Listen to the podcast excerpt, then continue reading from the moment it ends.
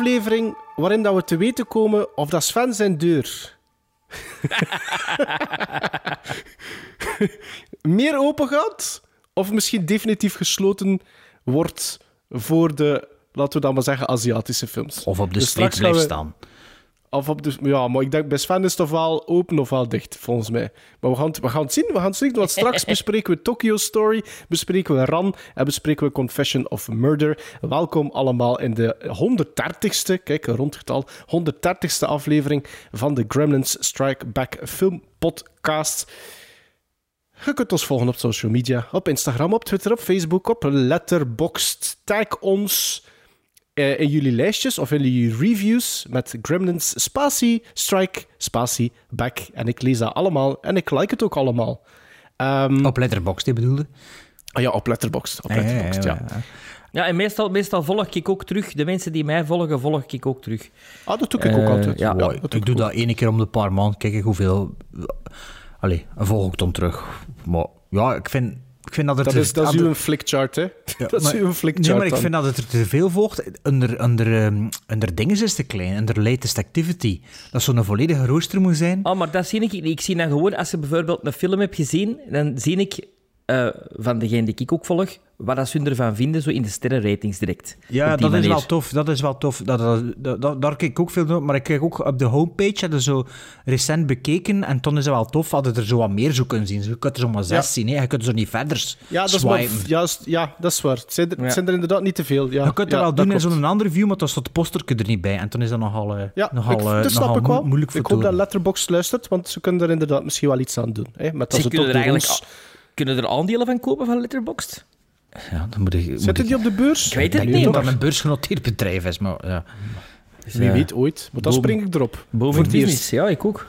Beter, beter dingen geïnvesteerd in Dogecoin. Of eh, hoe noemt dat daar weer? Bit, Bitcoin. Ja, nee, Bitcoin is al lang gepasseerd. Nee, begin van het jaar was het toch? Dogecoin, dat... eh, Oh, dat kan ik, dat kan ik zelfs niet. Ja, ja, dat is eh dat en dingen zijn GameStop, hè.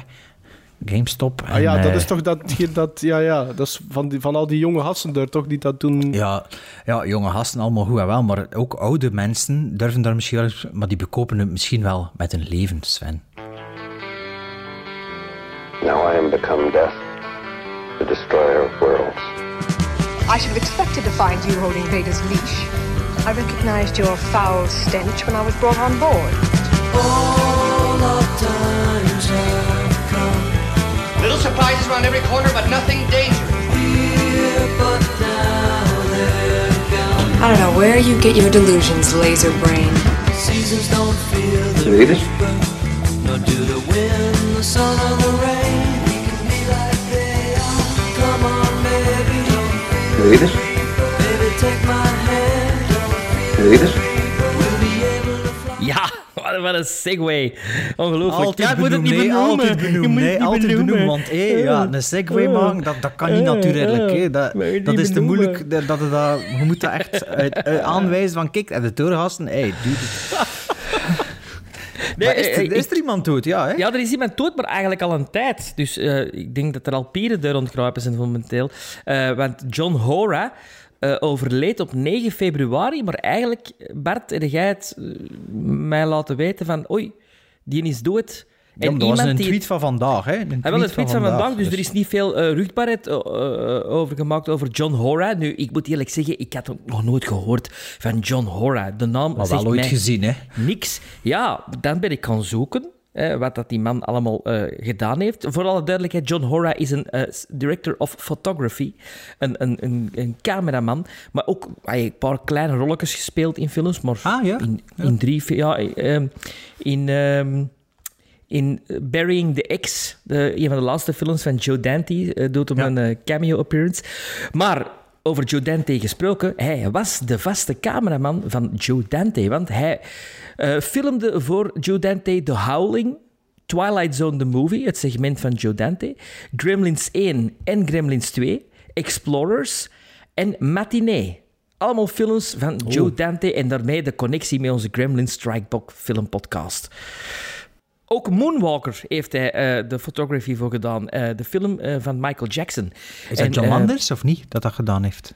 Moonwalker. Weet dat, Dat weet ik niet. Dat weet ik eigenlijk niet. Dat weet ik Ik niet. weet dat ook niet. Nee. Ik Goeie ken dat vooral van videospel zoeken in het op. Lunapark. Maar dat is, een, dat is een redelijk goede film. Ja, zo. de arcade game. Joe Pesci speelt er ook in mee. Als bad guy. Ja, ik, Dus dat ik denk dat, ik, ja, ik heb dat wel ooit gezien, denk ik. maar Dat ik begint als een concert en Michael Dus speelt van- zichzelf. Jerry Kramer en Colin Chilvers. Oké, En nooit maar van kende gehoord. dat spel nog van op de kermis? Allee, van het Ja? Dat was Ja, super ja. cool, hè? En dat Ja. op een bepaalde knopduw werd zo'n reusachtige Michael robot, Jackson eh, robot, maar zo'n grote zo, hè? Ja. en dat bestond ook op Sega, zeker, hè? Denk het wel. Ja, Mega ja, Drive. De Genesis, ja, ja, ja. Dus dat heeft die man allemaal gedraaid. Toch wel eh, eh, films die in mijn eh ja, favoriete lijstje zitten. De- Van ons en- allemaal, zeker? Ja, het is dat. Maar het is zo raar dat hem zo... Hij heeft nog andere films gedaan natuurlijk. Bijvoorbeeld Honey, I Blew Up the Baby, denk ik. heeft hem ook gedaan. Maar altijd wel met Joe Dante samengewerkt. En ik ben dan eens gaan zien wanneer dat Joe Dante eigenlijk eh, iemand anders had genomen. The Burbs. eh, daar heeft een andere cameraman voor Ah, genomen. ja, juist. Ja, Ehm, ja, die en dan ben ik dus lijstje. ook benieuwd waarom dat hem dat dan gedaan Inner Space is ook een andere cameraman. Ehm, iemand die dan altijd met een vaste cameraman werkt, waarom dat die op een gegeven moment verandert, dat vraag ik me altijd af. Want is soms omdat heel... er dubbele boekings zijn, hè?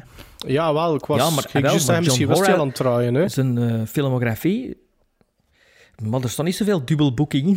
ik bedoel, Ah, ja, ja, ja. het belangrijkste dat hij gedaan heeft, is voor Joe Dante. Ehm, dus ja, Je weet het niet. Interessant eh, weetje misschien om eens op te zoeken.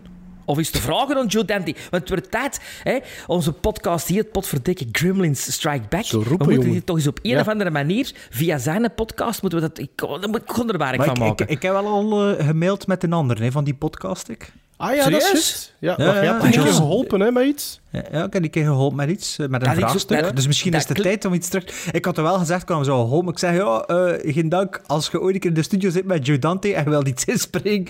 En zo, ja, de volgende keer dat we samen zitten, zal ik een keer voor u kijken. Ja, ja. Ja, maar ze zitten niet meer Yeah, samen, right. hè, door de pandemie. Ja, nee, nee, maar dat is ook al twee jaar geleden. hè. Nu, ik moet eerlijk zeggen, dat is ook... Ik ken die mens niet, maar ik, het is alsof ik hem ken, want ik vind dat een ongelooflijk sympathieke figuur. Wie, Joe Dante? Nee, die andere ook. Die Josh, Josh, Josh Olsen. Olsen, ja. Ah ja, maar ja, dat is zoals alle luisteraars denken dat ze ons kennen. Hè. En dat is dan zeggen, ja, die een Bart, zo'n sympathiek. En ja, die een Maarten. Dat betwijfel ik zijn, omdat ze dat over de Bart zeggen. Ja, ja, ja, ja. Maar dus, Rip... Wie? Rip John Hora. Allee, het was kalm. In de kerkhof. Maar bij de facteur niet. Daar was de truc.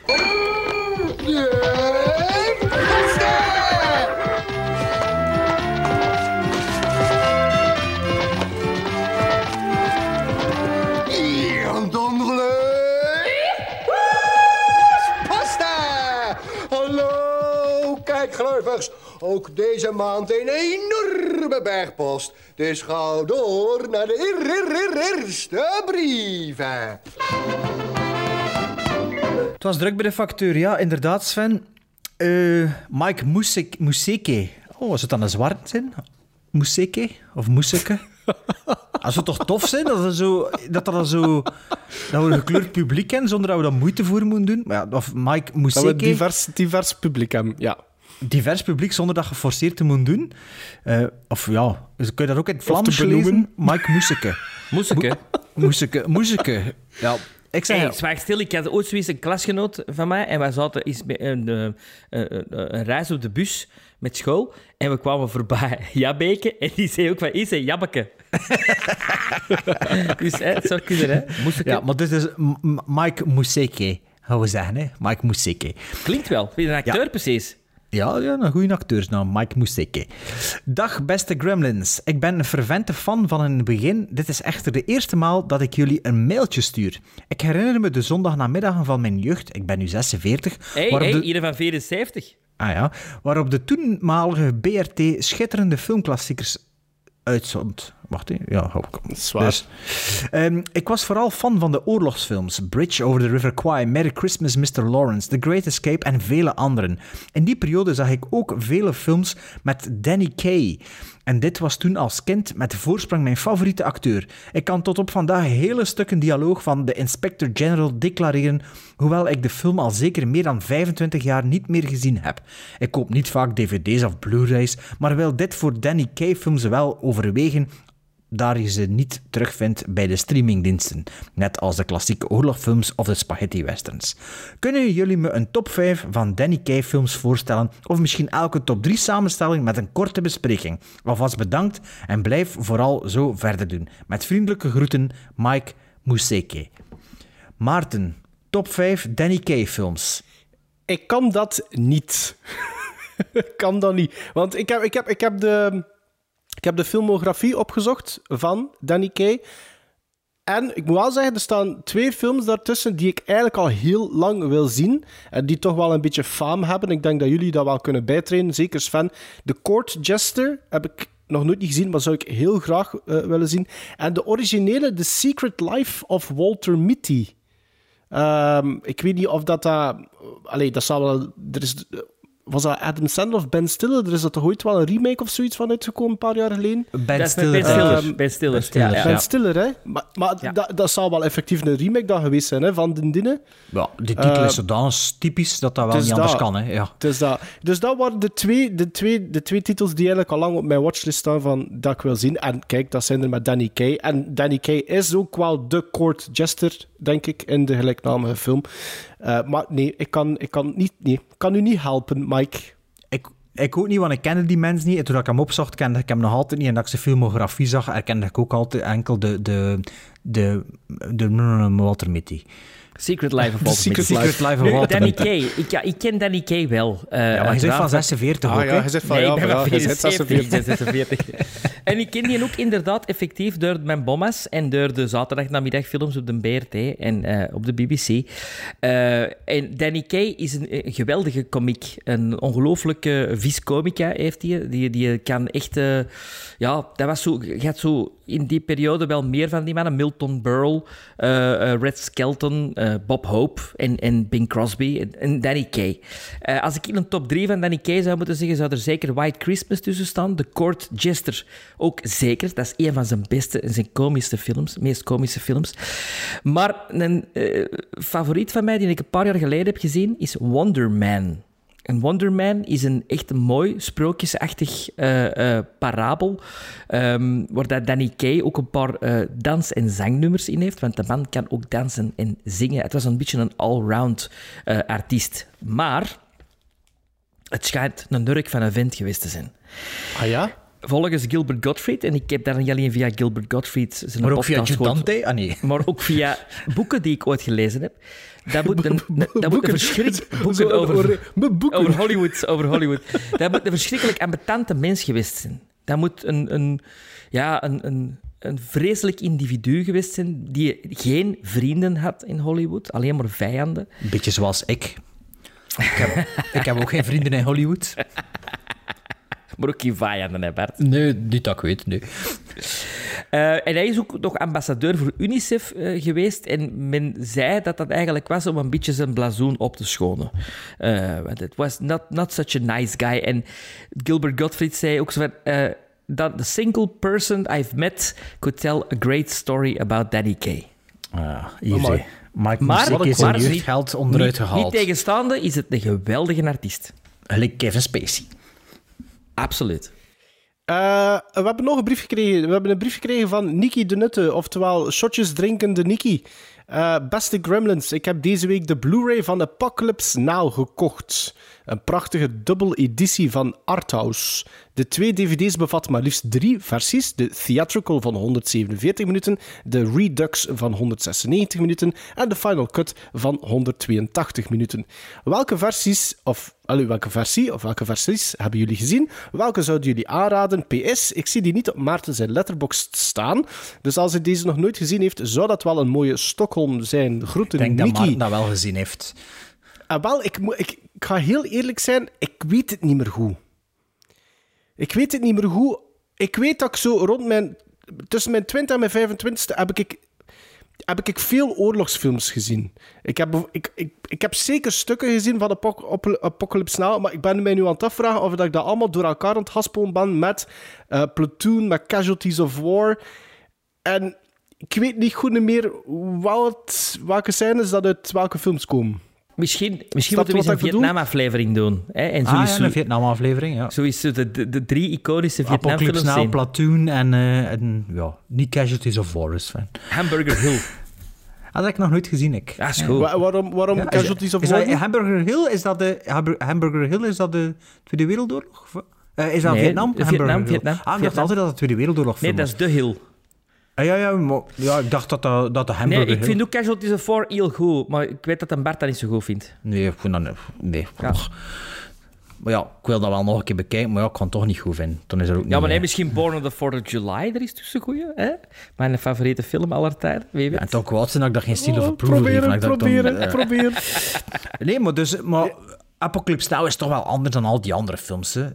Allee, de- Oh, ja, ik, ik weet, ik weet, ik weet die, dat stukken met, met, eh, met de muziek. Allee, ik, ik ken wel de iconische scènes, maar nu soms, en dat is eigenlijk een beetje door de podcast, begin ik mij af en toe een keer af te vragen: ja, maar heb ik die film nu eigenlijk effectief al ooit helemaal gezien? Ja, dat, Eh, dat is zo weet, hè. Ja, dat is gelijk Psycho dat ik had, hè. Ja. Ja, ik ken, dat, ik ken daar nog niet zoveel gehad, moet ik zeggen. Dat, ik- ik weet wel redelijk goed dat ik gezien heb, maar... Ik ben er een beetje voorzichtiger in geworden. Ik denk dat dat, dat, denk dat, dat woord is. En eh, nog maar sinds een jaar door Singing in the Rain. Want dat was, ik was daar echt van verrast dat ik die... Toen dat ik die begon te bekijken, dat ik er zoiets had van... Joh, maar wacht een keer. Ik heb, dat, ik heb dat echt nog nooit niet van begin tot einde gezien, of wat?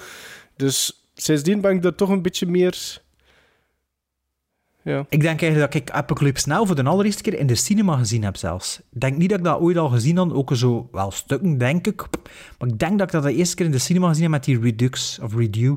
Ik denk dat dat in 2000 of zo uitgekomen is. Het schijnt dat er ook niet zoveel verschil is tussen de, de Redux-version en... Of nee, tussen de Director's Cut en de... Final, Final Cut en Redux scheelt Oh ja. toch wel 14 minuten. 14, 14 minuten. Dus Maar ik hoor van veel die de drie hebben gezien, dat de, de originele eigenlijk nog de beste is. Dat hem eigenlijk die film niet had moeten verbeteren. Een beetje dat hem wel met Godfather 3 nu heeft gedaan en in geslaagd is blijkbaar, van Ja. die beter te maken. Maar eigenlijk is Apocalypse Now op zich ook toch al een goede film. Hè? Allee. Ik, ik, eh, ik weet dat ik die, ehm, dus die Redux heb gezien en ik ken ook die, eh, ik had die dan op Blu-ray, maar eh, op DVD van, goh, hoe noemt dat daar zo, Quality Collection of zoiets, Ja. met die zwarte dinges. En toen weet ik dat dat een andere cut was, dat ik dacht, allee, dat is die een ander, dat is die korte versie of wat, dus die heb ik zeker ook ooit gezien.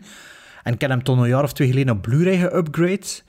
Ehm, maar ik weet ook niet welke versie dat is. En ik, ik bedoel, als ik kijk naar die film aan het kijken zijn, juist like dat je in Aliens ook verschillende cuts hebt, ik moet zeggen, moet al vrij anders zijn voordat, me dat, voordat ik dat echt besef. Bij Aliens is dat wel een heel, een heel segment. Hè? Dat is op die planeet waar dat, dat meisje vandaan komt. Ja, maar de- ook ik- nog met die familie en zo. Maar die hij leven Ali- nog. hè. hij Aliens al veel Ah, meer gezien dan ik, volgens mij. En, en men, men niet, bij mij zit er al veel te veel tijd tussen. De, allee, moest ik dat nu twee keer op, drie, eh, op, twee keer op een jaar zien, zou ik dat wel, zou me dat wel opvallen. Maar nu... vind dat me- meestal valt me dat niet zo, niet zo hard op, die verschillende cuts. Ik heb dan de, de Hateful Eight extended version ooit gezien. eh allee, de, die eh, roadshow version. En dan is er dan een proloog of dat, dat, dat zijn zo'n paar shots die langer duren. Maar ja, uiteindelijk... Ik vind dat dat meestal niet zo heel veel verandert. Het is eigenlijk The Bijdraagt. Exorcist 3. En ook bijdraagt. Ja, de, wat de Exorcist 3 is een ander verhaal. Dus dat, bij dat wel, bijvoorbeeld. Ik ken nu nog maar één van de twee... Exorcist 3? Ja, het- de director's cut is, is een heel Bart ander heeft het er verhaal. al een keer over Ah, gehad. ja, maar ik Ja, wist dat dat, er een, een andere versie van was van de Ja, drie. ja, ja, er zijn to- twee totaal verschillende versies. Dat is een beetje gelijk als een Dominion. De prequels zijn ook twee verschillende films. Hè? Maar is, de, is drie niet Dominion? Nee, dat is Nee. vier. Nee. Ah, ja, oké. Nee, dus ja, ja like Superman 2 is ook, is ook wel redelijk verschillend. Zo. Eh, de, de, de Richard Donner cut. Ja, en die Dus- Beast heeft toch ook een, een, een serieus ander einde? Wel, het, Maarten heeft er een goede website voor, zeker. Hè? Dat hij dikwijls een keer doorstuurt als het over verschillende versies gaat. en, eh, Eh, ja, ja, maar hij ontglipt mij even. Eh, Of Google- ja, Google dat gewoon elke keer. Google, ja, Google Ja, ja. helpt wel, ja. Maar dus ja, om voor Nicky de Nutte bij te staan, ik kan u niet zeggen welke versie dat ik moet zien. Ik vind ze al, ze al drie wel goed zijn, zeker. Maar natuurlijk, 147 minuten is al lang, maar 196 minuten is toch wel nog een pak langer. Allee, Ja. dat is wat ik ervan vind. Hey beste gremlins, schrijft Nicky de Nutte. Nicky was in zijn schrijf. De Nicky hier, met een kleine aanvulling op Sven's Don't Fear the Reaper segment van de laatste aflevering. Oei, wat Sven was, toch- was het jaaroverzicht, denk ik. Het jaar, dus twee Ja. afleveringen geleden. Sven is toch wel een belangrijke dame vergeten te vermelden. Ons Ilsa, de she-wolf van de SS, oftewel Diane Thorne, overleden op 28 januari 2020. Oké, niet de beste actrice, maar toch wel vertolker van een iconisch personage. Ja, dat is inderdaad waar, Nicky. Eh, sla mij maar op mijn poep. Ook nog vergeten... Naya Rivera, de actrice van Glee, die vertrokken is in juli 2020. Ja, dat is geen filmactrice voor mij, dat is een tv-actrice. Dus niet van tel. Ja, ik moet eerlijk zeggen, als die niet verdronken had, had ik er nog nooit van gehoord, eerlijk gezegd. Maar zij was wel hoofdzakelijk een tv-actrice. Ah, schreef het zelf, voilà. Voor de rest geen opmerkingen meer. Lakkend ventje. Genoten van Joris' filmkast en benieuwd welke films er nog allemaal gaan inkomen. Ter info nog even snel mijn scores voor de Stockholm-films. Ghostbusters 2 is 7 gizmos, The Driver 6,5 en Chaplin net geen seal met 7,5 gizmos. Greetings and Solutions, of Salutations. Weten jullie uit welke film dit komt? Greetings and Salutations. Apo- Apocalypse Now. Eh, Nee, ja? Christian Slater zegt dat in headers. Ja, het komt mij bekend voor. Ik ben dat vrij zeker zelfs. Heb je het gegoogeld of wat? Ah ja, oké. Nee. Ik, gegoogeld? ik, vind, ik vind headers een Of, leuke of, film. of in Pump Up the Volume. Of, Eh, Ik heb dat, ik heb het niet, niet gezien, denk ik. De, er is ook een arrow, arrow van, hè, of een niet? hele goeie, Ja, hele mooie. ja. Ja. Ja, Niki, bedankt voor uw mail. Hè. En nu nog een mail. Een mail van, ik kan de naam vergeten te noteren, David Geuliams. Sorry. Beste Gremlins, ik had jullie al eens een mail gestuurd met mijn filmidee over de godsdienstleraar in 1938 die bewijst dat er leven na de dood is. En nu kan je een half miljoen dollar verdienen door te bewijzen dat er leven na de dood is. Via deze link en dan een website oh, eh, www.nd.nl slash geloof en toch nog een hele hoop dinges. Via deze link van een recent artikel in het Nederlands Dagblad kun je er voldoende over lezen en staat er de link naar de website waar je je kan inschrijven. Dit zijn nogmaals mijn vier korte bewijzen. 1. Duizend jaar geleden was je lichaam ook al op de aarde, maar het was toen volledig uit elkaar en dus dood om dan later tot leven te komen vanuit de dood. 2. Wanneer men sterft, wordt het bewustzijn niets, want er is niets na de dood, maar dan zou men evengoed eens een auto of een huis niets moeten zien worden. 3.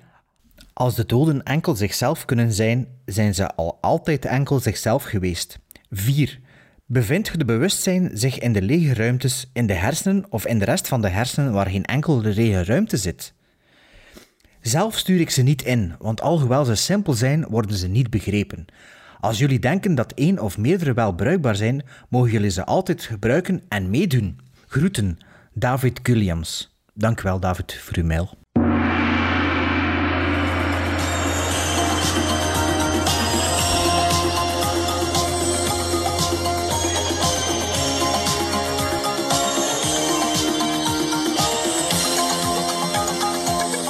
有冇地方住？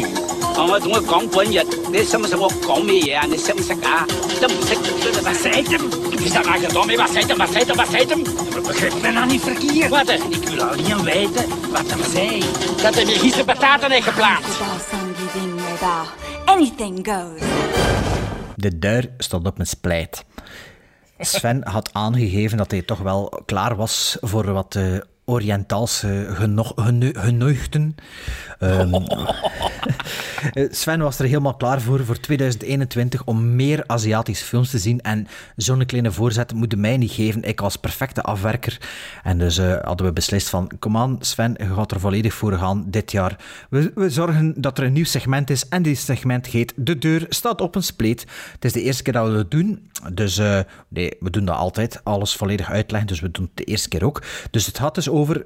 We hebben elk een Aziatische film gekozen omdat Sven zijn deur op een spleet staat, waar wij dat wil zeggen, allee, of hij wil zeggen dat er hier echt wel voor open staat. En Ja. eh, met dat die spleet er is, mochten we dus elk een Aziatische film kiezen. Eh, we mochten die al gezien hebben, mochten die niet gezien hebben. We mochten er zelf benieuwd naar zijn, we mochten zelf een slechte film. Het, was het enige criterium was, we moesten het geven aan de andere twee. Ehm, Ja. En ik had als eerste een film ge... Allee, het is de oudste film van de drie, dus meestal doen we dat gewoon chronologisch. Eh, de eerste film die, eh, die we moesten bekijken was een die ik gekozen heb. Dat is een film genaamd Tokyo Monogatari van 1953. Ook beter bekend als Tokyo Story van Ozo Yazu, ya, Yazuri. Yaz, Yaziro. Yaziro Ozo. Dat is... eh, Yasujiro. de- Yasujiro Ozo. Ozo. Ehm, Ozu. Azu, Azu. Maar eh, dat is wel, als je het gelezen, als je het geschreven het is wel een bekende naam, want ik herken die naam al. Dus eh, de film Tokyo Story kende ik ook. Is een Ja, film maar ik wist niet dat er een andere titel had. Want jij zegt dan dat is juist een titel. Ik denk, dat ik heb toch de juiste film gezien, hè? Tokyo Mon- Story? Ja, omdat Monogatari? Monoga- Monogatari? Oké, Tokyo dat wist- Monogatari? En wat wil dat zeggen, Monogatari? Story. Story. Oké. Ja, pijzen toch ook, story. Ehm, ja, dus een film van 2 uur en 16 minuten. En de film staat op nummer 81 of de all-time best movies op IMDb. En dat wordt berekend op het aantal stemmen en de, de percentage van de stemmen. Dus ik denk niet dat dat per se de meeste stemmen zijn, maar de, de, de percentueel hoogste stemmen belanden in die 250. Dus de nummer 181.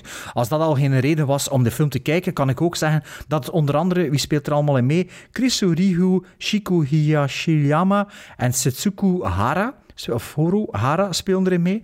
Ehm, klinkende namen natuurlijk voor ons. En waarover gaat de film? Ik had het al eh, de vorige aflevering aangekondigd dat er een enorm interessante synopsis was. Een ouder koppel bezoekt hun kinderen en kleinkinderen in de grote stad, maar die hebben weinig aandacht voor hen. Kleine synopsis. Een, eh, ja, een eh, meesterwerk van de wereldcinema, dat wist ik al sinds al op voorhand. Ik had die ook al een tijdje liggen op Blu-ray. Maar zoals met veel van die films duurt het wel even voordat ze ingeschoven worden. En als we dan een segment hebben met dank aan Sven met de deur staat op een spleet, dan Graag moet er alles, alles een filmpje van die stapel weggeplukt worden. Eerst en vooral mag Sven beginnen, want Sven zijn deur die staat op een spleet. Ja. Segway, dat was een segway. Dat was een segway. ik wou het zeggen, maar ik heb het niet gedaan. Je zit me voor. Ik zag het, zag het. Eh, ja, Tokyo Story. Ehm, waar moet ik beginnen? Bij het begin. Eh, ja, mijn deur staat op een spleet. Eh, heb jij gezegd over waar het gaat? Ja, Ja. een ouder koppel bezoekt hun kinderen en kleinkinderen in de grote stad, Tokio dus, maar die Ja, ja. hebben weinig aandacht voor hen. Ja, Ik vind, dus ik het- al langere synopsis gevonden, maar nee, dat, vertelde te veel. Dat, is- dat is Dus eigenlijk waarover het gaat. Dan maakt het mij natuurlijk nu wel moeilijker. Want ehm, Nee, maar ja. Ja, waar moet ik beginnen? Ehm, ik, heb deze, ik, kon, ik kon zeggen dat is. Ik heb deze film in zes keer gezien. Dat was de eerste van de drie dat je gekeken hebt? Dat was Of- de eerste van de drie. Dat was de eerste van de drie. Mhm. Ehm, en elke keer zo na 20, 25 minuten eh, moest, ik, moest ik er even uit. Ehm, omdat ik geen klik maakte met de film. Om, omdat ik... eh, en ik wou, ik wou graag een klik maken, want ik... ik ehm, allee, het was tenslotte een segment dat op mij is opgehangen. Ja, ja, voilà. Maar ik, ik, Ja, ik dat dacht... zou wel We tof geweest proberen wel een keer iets te force-feeden, hè? Ja, maar ik dacht van, godverdomme, hè, Bart, begin er dan met zoiets. Allee, oh. En ik wou ook niet met de anderen dan beginnen, want ik denk, nee, want dan ga ik er helemaal niet meer uit kunnen, want ik kan er naal niet uit wie dat wie is. Dus, eh, oké, laat me bij film bij film houden. Eh, dat is mijn eerste grote probleem in die eerste 25 minuten. Ten eerste, het is een zwart-wit film. Maakt het nog eens moeilijker, vind ik, om te differentiëren van personages. Allee, voor mij dan toch. Ik, ik- en je moet heel de tijd zien naar die onderteksten, want je kunt niet even je kop naar opzij doen of even iets opzoeken of even zeggen van... Want je verstaat het niet. Je, het gewoon- je, moet het, je moet het echt lezen. Dus je moet je aandacht erbij Je houden. aandacht moet erbij blijven. Dat is nu, dat is nu niet noodzakelijk slecht, hè? Dat is niet noodzakelijk slecht. Maar ik kon in het begin niet volgen wie zijn de kinderen, wie zijn de schoonkinderen. De, de- allee, ik bedoel, dat was mij echt niet duidelijk, de eerste 25 minuten. Hè, want ze gaan naar hun kinderen. En hoeveel kinderen hebben ze? En wie woont er dan nog thuis bij hun? Dat blijkt dan ook toch nog een kind te zijn. Dat had ik pas deur in de laatste, het laatste kwartier van Oh, de ja? film. We zijn dat wel gezegd, hè? We zijn dat vroeger al gezegd Ja, in ja, het ja, verhaal. absoluut. Ah, ik had dat dus niet... Ik, denk, ik dacht dat dat een dienstmeisje was. Mm, nee. nee. Dat is Ja, Die van in de eerste scène die die broodjes maakt, of dat, dat, die, die, dat lunchpakket. De lunch. Ja. Ah ja, voilà, dat is niet dezelfde dus. Jawel, jawel, dat is dezelfde. Dat is, Jawel. dat Dat is is een die dochter. dochter. Ja, dat is een dochter. dochter. Die er les geeft. Ja, dat is die dochter die op platteland de- nog woont. Ja, hè, Ja, de jongste dochter. De jongste dochter woont nog bij hen. Hè? Ja. Goed, dus eh, zes keer gezien. elke keer zo 25 kwartiertje. hè, Het is een En film dan met 20 vier- minuten zagen tegen ons op WhatsApp. Ja, nee, na, na, na, na vier keer. En ik dacht, ik, en ik was echt aan het denken, ik kon, kon, kon, niet, kon niet voortzien. Maar ik denk, dat mag ik niet doen. Want er zijn ze eens heel kwaad voor geweest bij een Iraanse film. dat ik dat heb gedaan. ik mag dat echt niet doen, want dan gaat een Bert weer uit zijn dak komen. Dus ik, godverdomme, Vincent, hij is een grote jongen. En eet je groentjes op. Eh, maar dat gevoel had ik dus wel. Van een kleuter die zijn groentjes niet opeet en die, allee, on. Wat is dat nou zo, wat is dat nou zo moeilijk aan? Ben ik die film beginnen analyseren. Want ik heb er natuurlijk een paar dagen over gedaan. Ah, ja, Ehm, had de tijd, hè. Had de tijd ja. genomen om Ja. dat te doen. En ehm, het straffen is dat ik toch elke keer wel terug die film opgezet heb. Omdat ik eigenlijk wel wil weten, nou, waar gaat dat nou naartoe? Dus ergens bleef die film wel hangen in mijn, in mijn eh, achterhoofd. Zo van, oh, ja, in de hoofdrolspelers, dus het oudere koppel, had ik het eerste de eerste twee visies, laat ik zo zeggen, heel veel moeite mee, omdat ik dat heel slechte acteurs vind. Ik vond dat heel slecht gespeeld. En de derde visie, het derde deel, begin ik te denken, ah, misschien is dat gewoon de speelstijl van Japanners. Misschien is dat wel een, culturele speelstijl dat die hebben in 53 dan ook nog. Hè. We spreken over een film die bekend bijna wat, 70, 80 jaar oud is. Bijna Of, ken ik- 70. Bijna 70, ja, ja. 70. hè. Eh, dus misschien is hij wel een staal van toen. Ehm, en dan zie ik de, de, de kinderen spelen en dan denk ik van, oh, bro, dat is allemaal zo houterig en dat is allemaal zo afstandelijk. En dat is allemaal zo onpersoonlijk. En die, allee, hoe doen die dat tegen die en die mensen? Dat is toch niet meer... Allee, is dat echt waar? Dat is in de Japanse cultuur, hè? ja, maar Ja, wacht, wacht, ja. wacht, hè, wacht, wacht, wacht, wacht, wacht, Ja, wacht. Dat, begint dus allemaal te dagen ook. Maar, eh, maar ik ben met te veel vragen ontstellen, denk ik, bij al die visies. Van, oh, waarom doen die dat zo? En, en ah, die, die kleinkinderen die heel ambetant tegen hun grootouders doen, dat vond ik dan heel plezant. En, en dan dacht ik van, ah, maar die doen wel grof tegen hun grootouders. Want die, die, ouders die gaan dus op bezoek bij hun kinderen, eh, die allemaal ergens anders wonen. Eh, er wonen er eh, in de grote stad Tokio. Ehm, en wat blijkt dus, die mensen, die, die kinderen hebben eigenlijk geen tijd voor hun grootouders. Daar komt het op neer. Hè? Eh, en bij de, bij de zesde visie, zit ik aan het moment eh, dat die drie, dat de, de, de vader met twee vrienden in een bar zit. En eh, die beginnen zat te worden. En ineens viel die film op een of andere manier op zijn plots ineens. Want wat daar gezegd wordt in die scène... Ah ja. En die zei, ah, oké, daar gaat het dus over. Het gaat dus eigenlijk over... Want ik, ik vroeg me af, waarom speelt die man zo slecht? Waarom begint hij altijd aan het lachen, eh, terwijl er niks voor te lachen is? Terwijl ze... Maar nee, die figuren zijn zo. En die houden altijd die lach op. En, die, en, en om de schone schijn een beetje op te houden, te zeggen, oh, mijn kinderen, en ik heb ze moeten loslaten en ze, ze doen het toch allemaal goed. Maar het is eigenlijk een intriest verhaal, die in Tokyo Story. Ja, maar dat is niet deur in het begin. Hè. En, en, en ineens, ineens begon dat allemaal op zijn plots te vallen. En, en het laatste, de laatste twintig minuten van die film vond ik, vond ik fantastisch. Begonnen ze echt zo... eh, mag ik een spoiler? Mag ik een spoiler doen? Wel, er, zit één grote, er zit één spoiler in en... Allee, je weet wel wat ik bedoel, dat zou ik nu wel niet verklappen. Nee, maar wat er daarna gezegd wordt, ja, dan snap ik ook de rest van de film. Die kleindochter tegen haar moeder. Over het leven, dat ze zegt, het leven, het is, het is toch Ja, allemaal... maar, maar ook hoe dat al die kinderen reageren op die Ja, moment. ja, ja, terwijl, ja. het- terwijl die vader er ook nog bij zit. En, en, en dat- ja, dat- dan, weer dat, dan weer dat heel nu, heel 2021. Terwijl het dan 1953 was. En dan was dat heel herkenbaar. En, en ik kon er zo mee, mee relaten. En, en, eh, dus eigenlijk denk ik het feit waarom, dat ik die, waarom dat, ik- dat die film een paar keer heb afgezet, denk ik omdat ik niet juist deur had van oké, ik moet in die, cultuur, in die culturele manier van, van, van leven en in die, in, ik moet me kunnen verplaatsen erin. Post Wereldoorlog 2, hè, Japan. ook. Ja, ja, en ik had echt een afstand te overbruggen. Eh, Een grote afstand dat je sowieso afstand. aan het overbruggen. ja, hè. ja, ja. Ja, maar ook zo in het begin een documentaire. Ik vond dat meer een documentaire, want ook die camera die stond altijd op de grond. Eh, je ziet altijd zo een heel raar shot, vind ik. Maar ja, die mensen die zitten ook veel op de grond en die leven ook veel op de grond. Dus maar je zat echt zo in het standpunt van, van op de grond heel de Ja, tijd. van de, de kop van de tafel en zo'n beetje, heel de tijd. Allee, of, Ja. of, ja, kader in een kader. hè. Ja, Ik weet het, afstand- ik vond dat heel. Ja. he- heel afstandelijk en heel documentaire-achtig. Eh daarmee dat ik erover een documentaire sprak. Van, oh, zeg, is er een documentaire van hoe leefde men in Japan in 53? Eh, ja, langs de ene kant wel. Eh, hè, want dat is een eye-opener voor mij. Van, amai. En ik zou dat gerne eens laten zien ik, ik, ken, ik ken een paar Japanners, dus ik zou dat eens gerne willen... Of dat ze die film kennen, of dat ze er iets van weten, en of dat dat voor hun herkenbaar is. Anno 2021. Eh, Ja, ja, ja. Maar dus al bij al niet zo'n slechte kijkervaring. Zal dat ons laten doen geloven Nou, met het heeft WhatsApp. wel zes Nee, keer nee, het was, een, het, was een, het was een, processie van echt een nacht, Ja? maar wel mee, maar, maar, maar, maar Met een catharsis. ja. in tegenstelling tot sommige andere films die wauw beginnen en waar je op het einde van denkt, plup. Het is het, het andersom bij mij. Zo van in het begin van, oh, waar gaat dat naartoe? En op het einde barst dat open als een soort van epiphany van, wow.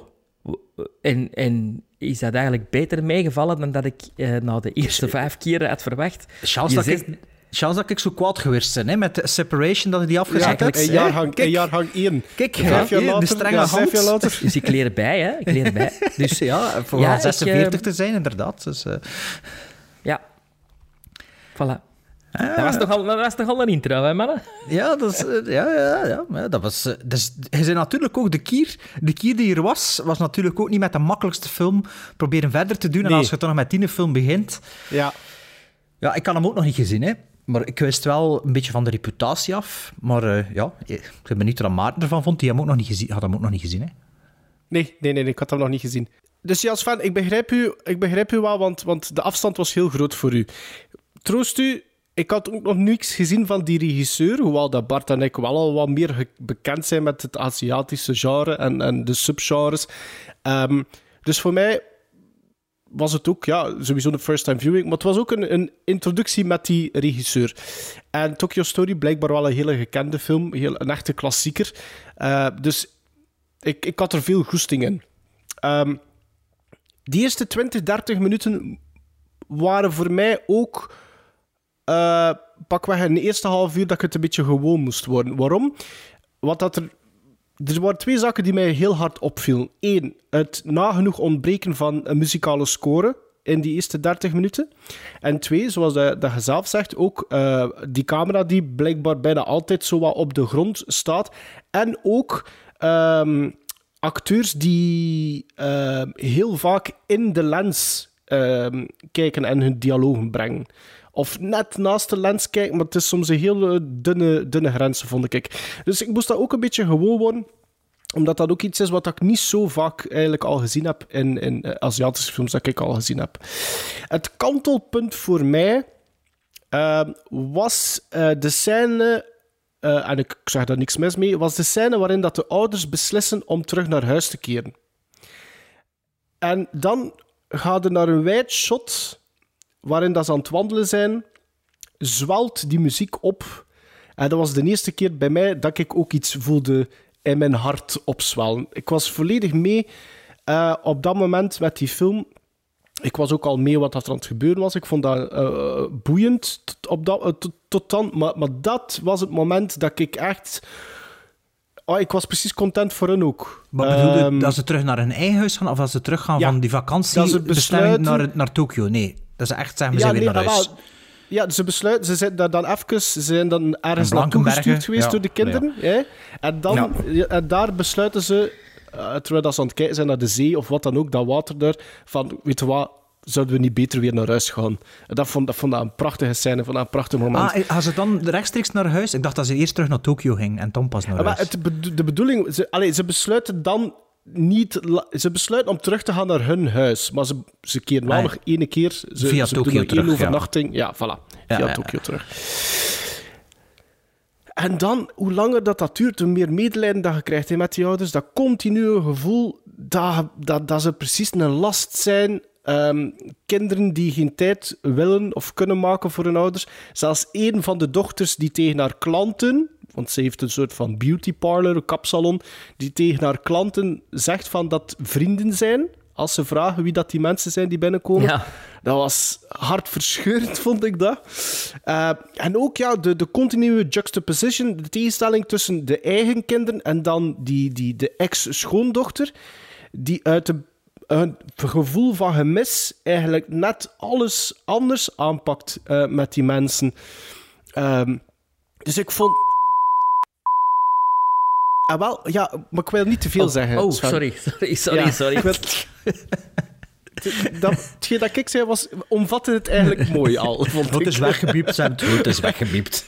Ehm, Het waren twee spoilers in die En- film eigenlijk. en- en- dat is zo'n kleintje. ik- ja. ja, en ik, ik, ik, ik bleef meegaan met die film. Ehm, en, en dan dat laatste half uur, dat vond ik ook ja, dat vond ik fantastisch. Ja, dat is Allee, ongelooflijk.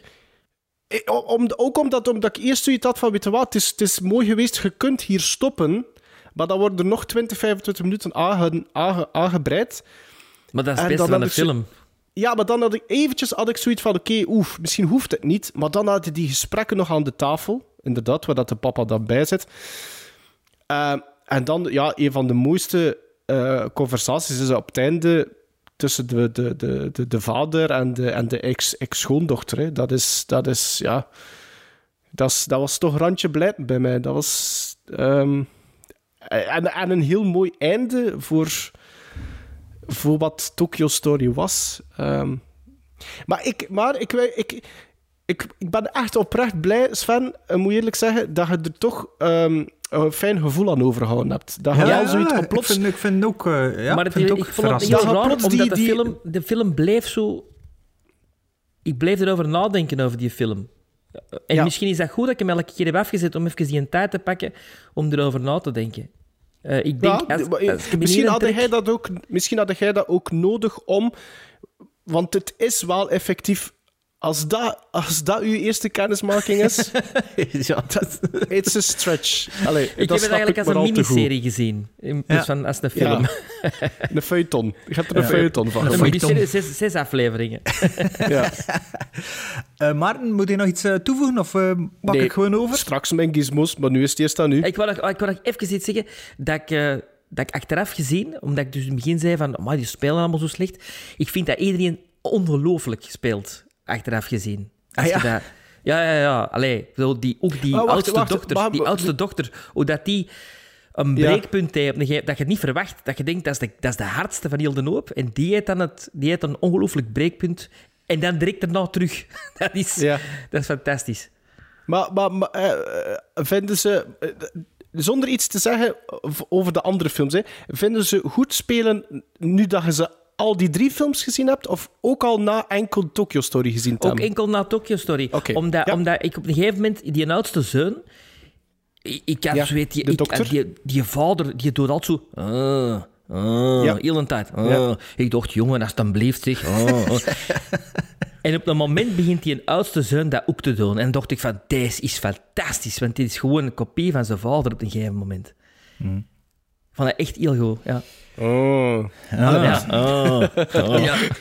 Tokyo Story, ik wist al op voorhand dat het geen evidente film was. Het was ook een beetje voor mezelf dat ik hem gekozen had, want ja, dat mocht. Ehm, omdat ik ook anders niet wist wanneer ik dat ooit een keer opzetten. En ehm, dat was, eh, ik kan hier tegen, eh, tegen mijn vriendin, mijn lieftallige vriendin, dat aan het meeluisteren is, zie ik daar in de zetel. Ehm, mijn lieftallige vriendin gezegd van, ehm, ik moet morgen een film kijken voor de podcast en we gaan het vanavond, we gaan het morgenavond kijken, want het is dan zaterdagavond, want als ik dan na mijn werk ga doen, ga ik waarschijnlijk te moe zijn. En ik vind, en ik weet uit ervaring ook, dat je, ik heb dat al- onlangs ook al gezegd in een aflevering, dat de Japanse films, van die oude films, je moet dat in één trek uitkijken. Dat dat Ja, dan, ja. Moet, moet, er, moet er gewoon doorzitten. Ja. Ja. En, en, en ik wist dat op voorhand. Ik, had, ik heb de, eh, begin van het jaar, denk 2 of 3 januari, heb ik Maartens nummer 1 van vorig jaar, Harakiri, gekeken. Ja, ja. En dat was juist zelfs dat ik wist ook op voorhand, ik moet, dat, moet er gewoon voor een wakker zijn, moet, dat, moet eraan beginnen op een, niet, niet te laat uur en in één keer doorzetten, voordat te kunnen... Maar ik weet dat ook van, van Kurosawa-films, like Rashomon en, en Seven Samurai, dat zijn goede films, maar ik ken die al gezien als ik moe was. En toen vond ik er niet veel aan. En wanneer ik fris ben, vond ik dat veel, veel beter. Dus nu weet ik dat ik daar een klein beetje mee moet rekening houden. Dus met Tokyo Story was dus het geval, dat was onze zaterdagavondfilm, jawel. Ehm Maar dus met, met Gezellige dates. En ik kan ook iemand, ja, ik had er ook nog iemand bijgesleurd voor, eh, voor mijn, ook, mijn aandacht erbij te houden. Ja, en die film, ja, die film begint en het is zoals ik denk, het is een trage film. Maar het is niet traag en dat is zo dat meanderend Aziatisch dat is soms zet. Dat is zo Wong Kar Wai heeft men zo in de moed verloven. Zo van de meanderende beelden, waar ik niet zo zot van zijn. Had er ook de Assassin of de Assassination. De Assassin, ik heb er al een paar keer over verteld. Dat is zo'n film dat dat jaar ook Oscar genomineerd was. Ik ken naar de cinema en ik vond er geen bal Ja, aan. zo... Had je dat niet op filmfestival gezien? Ja, ik had dat op filmfestival gezien. Dat was zo... Ja, dat, dat is zo'n film, ja, dat is be- beeldpoëtisch. En hier was dat niet. Dat was ging traag, maar er was wel heel te dialoog en er gebeurde van alles. En ja, dat stoorde me ook niet. Dus ik, ik was... Ik, ik was er eased in, in de film. Dus ik, ehm, ik was erop voorbereid, ik was er klaar voor, ik was fris. En ik begon eraan. En de eerste keer dat ik op mijn uurwerk keek, was toch al 25 minuten bezig. En ik dacht, oh, ça va. Ik dacht, dacht al dat het niet zo lang bezig was. Dus het gaat wel vooruit en, en het, kan, het kan me wel... Het weet me wel te boeien, ja. De shots zijn ook typisch, hè, met de voorgrond en de diepte. Ehm, achteraf heb ik er ook gelezen dat altijd de camera op de grond staat, bijna of op meter hoogte, constant. Ik vond het ook een beetje raar geacteerd. Niet groot, een soort naturalisme, maar zo moeilijk te plaatsen. En dat is inderdaad die cultuur, hè, en zeker post Wereldoorlog 2, ja, Hans, dat, Hans die een natie, zo'n trauma, zo'n, ja, hé, hoe dat ze deden voor de, voor, de eerste wereld, voor de Tweede Wereldoorlog, de keizer en dit en dat.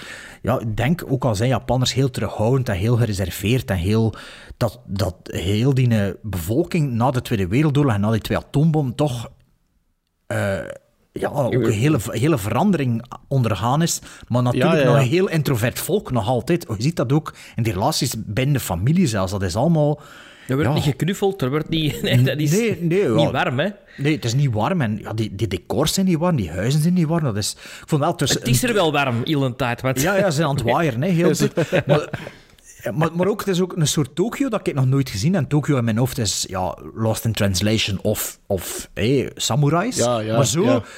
En ook niet, je merkte ook niet zoveel nog restanten van Wereldoorlog 2. Natuurlijk, in Japan is het niet echt gevochten. Hè. Bedenk ik me nu net, zijn dat de bom gegooid, maar voor de rest is er dan niet echt gevochten, volgens Het is een mij. groot land, hè. Ook, hè. Ja, maar ja, er zijn, er zijn toch geen allies aan... Allee, in het vasteland zijn er geen... Allee, het Japanse vasteland zijn er geen allies gekomen, volgens mij. Ze hebben hun twee bommen gedropt en misschien wat bombardement, maar is wel meegevallen. En het is meer op de eilanden rond uitgevechten, volgens mij. Hè. Eh, letters from Iwo Jima. Ik weet niet, is Iwo Jima Japan? Waarschijnlijk. Ehm, maar dus... Het verhaal kropt ook wel onder mijn huid. En hoe langer ik aan het kijken was, hoe meer dat ik mee was met dat verhaal. En ik vond dat hier, allee, dat is misschien een cliché of racistisch of iets voor, voor, voor witte mensen voor te zeggen, dat weet ik niet. Maar ik vind dat ook vaak moeilijk voor ze uit elkaar te houden. Hè. Zo, eh, Japanners of Chinezen. En, Ja, maar zeker ja, niet zwart-wit. Ja, hier had ik dat niet. Hier had ik dat probleem Maar ze niet. hebben allemaal zwart haar. En dat is... Dat is en vooral de vrouwen, die, ja, die Ik trekken vond, dat, gewoon op ik vond dat in Tokyo Story eigenlijk heel goed meevallen. En Tokyo Story vond ik dat mee van, maar ik, ik snap Ja. dat wel dat je dat hebt. Want ik ken dat... Allee, like onlangs heb ik de Handmaiden voor de eerste keer gezien. En daar had ik dan niet, want een van de twee vond ik een schone en de andere niet. Dus kost het schoon uit elkaar om. maar, Dat is die van de Dus jaren ik- 60 toch, hè, de Handmaiden? nee, nee, nee, dat is die van eh, Park Chan-wook, hè. Ah, ja, ja, een paar jaar geleden. Ehm, maar ik had die nog niet gezien, ik heb die onlangs gezien.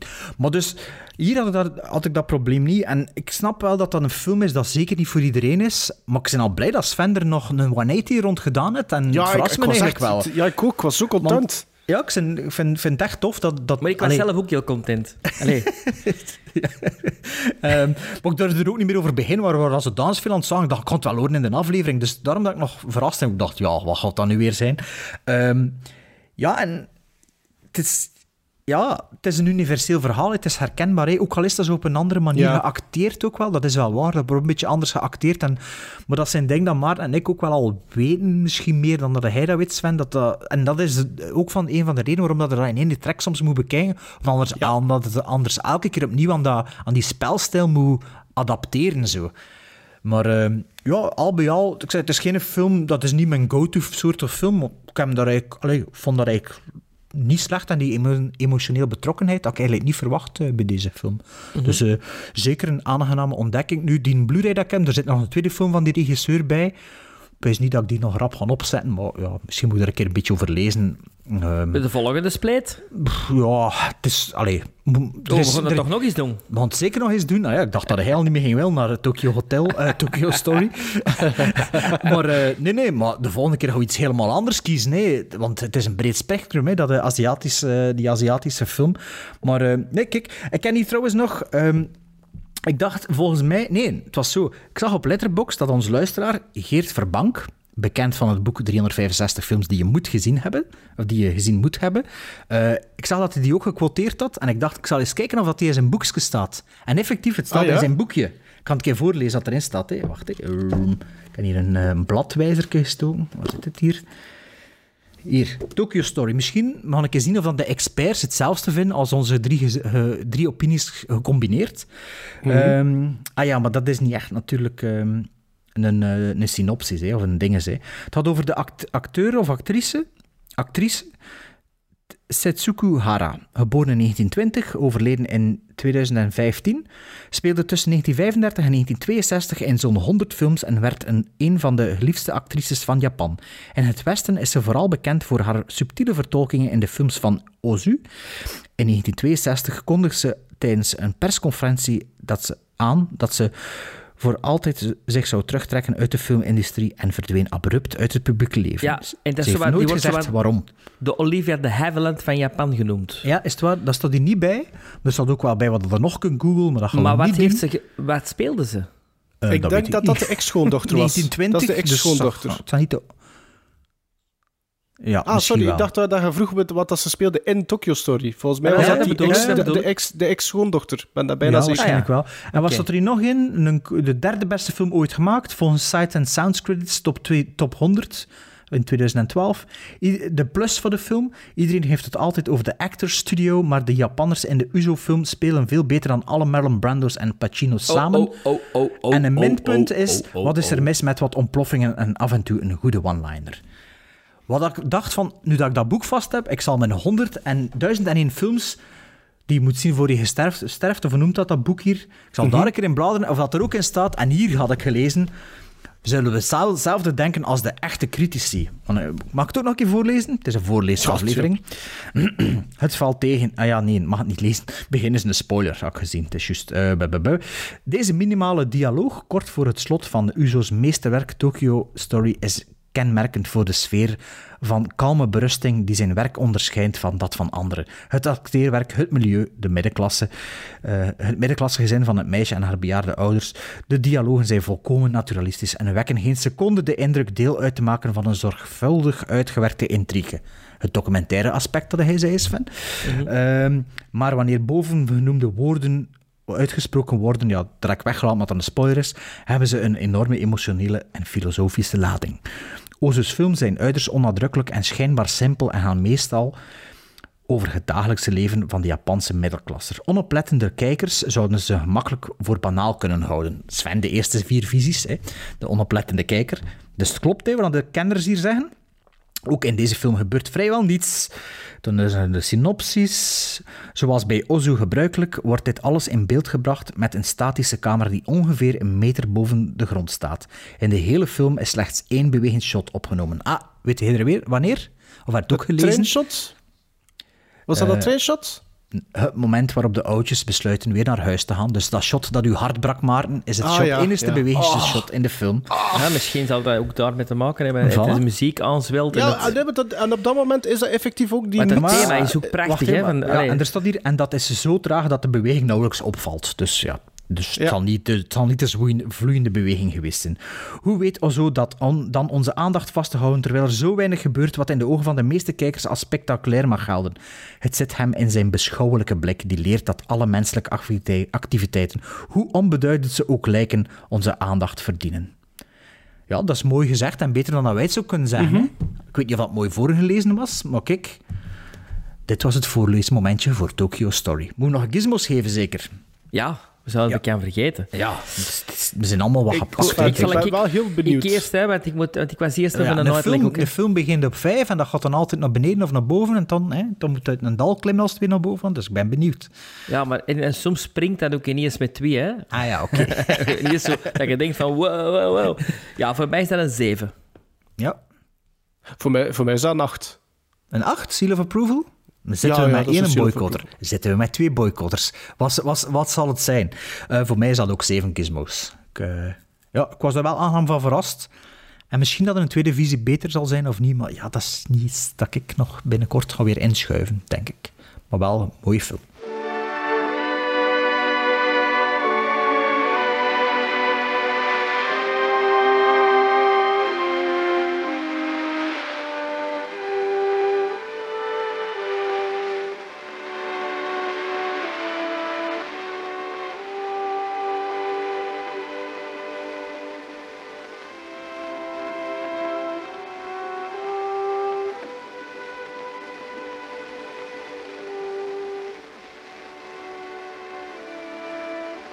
いがけの温泉へも入らしてもろうて。ああ思わん散財かけたの。ええ気持ちですな。うん。明日一つ早起きてこの辺をずっと歩いてみるか。そうですな。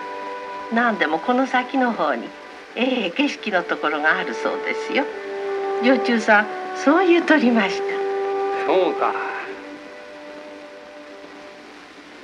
静かな海じゃのええ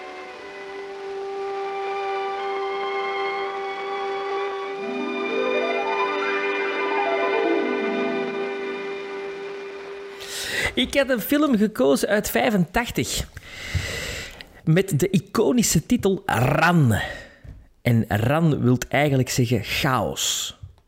Ik heb het ook moeten opzoeken. Ah. Met- Ah, ah, ik dacht uh, verleden tijd van lopen. Ah, maar nu, nu, nu komt alles samen, Sven, bij mij. Ran is een Japanse film uit 85 van regisseur Akira Kurosawa. De titel is Japans voor chaos of revolte. In 85 was het de duurste Japanse film ooit gemaakt. En het verhaal is semi-gebaseerd op de tragedie King Lear van William Shakespeare en op het leven van Daimyo Mori Motonari. Film won verschillende prijzen, waaronder een Academy Award en eh, twee BAFTA's. Het verhaal gaat over Hidetora, de patriarch van de machtige Ichimonji-clan. Hij besluit om zijn rijk over te laten aan zijn drie zonen, Taro, Jiro en Saburo. Taro is de oudste van de drie zonen en krijgt de leiding van de clan uit het eerste kasteel. Jiro en Saburo krijgen respectievelijk het tweede en derde kasteel en moeten Taro steunen. Hoewel de drie zonen in eerste instantie met de nieuwe gang van zaken akkoord gaan, heeft Saburo zijn twijfels bij de situatie. Het is een film van, jawel, 160 minuten. Bedankt, Sven.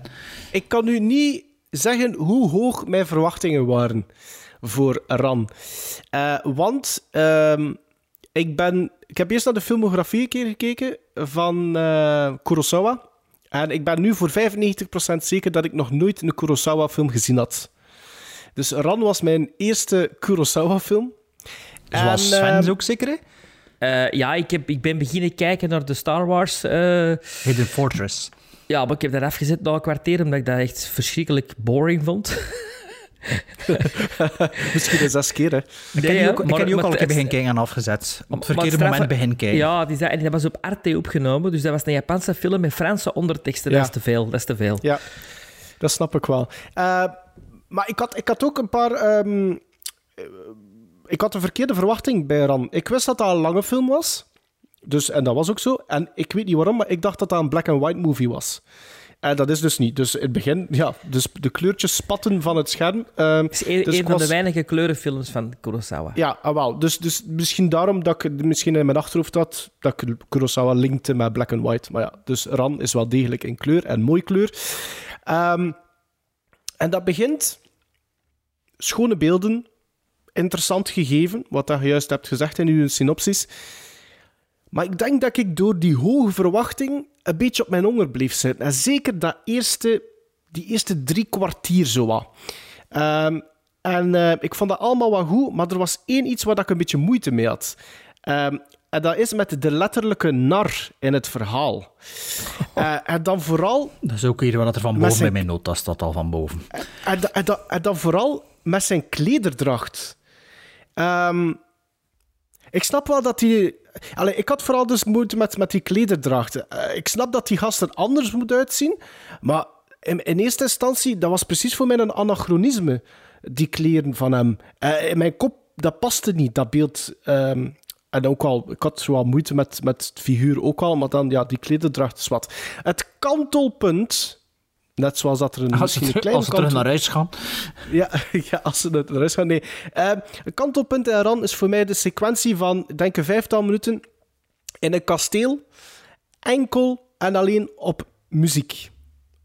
Enkel muziek, zelfs geen sound effects, maar de beelden, de brutaliteit dat je ziet, de, de, de make-up van, van ons hoofdpersonage, dat verandert, omdat die persoon zelf verandert. Eh, ik, vond dat, ik vond dat fenomenaal. Op dat moment, ik was, ik was echt met open ogen aan het kijken naar die film, om, en, om dat allemaal in mij te kunnen opnemen. Want ik vond dat geweldig.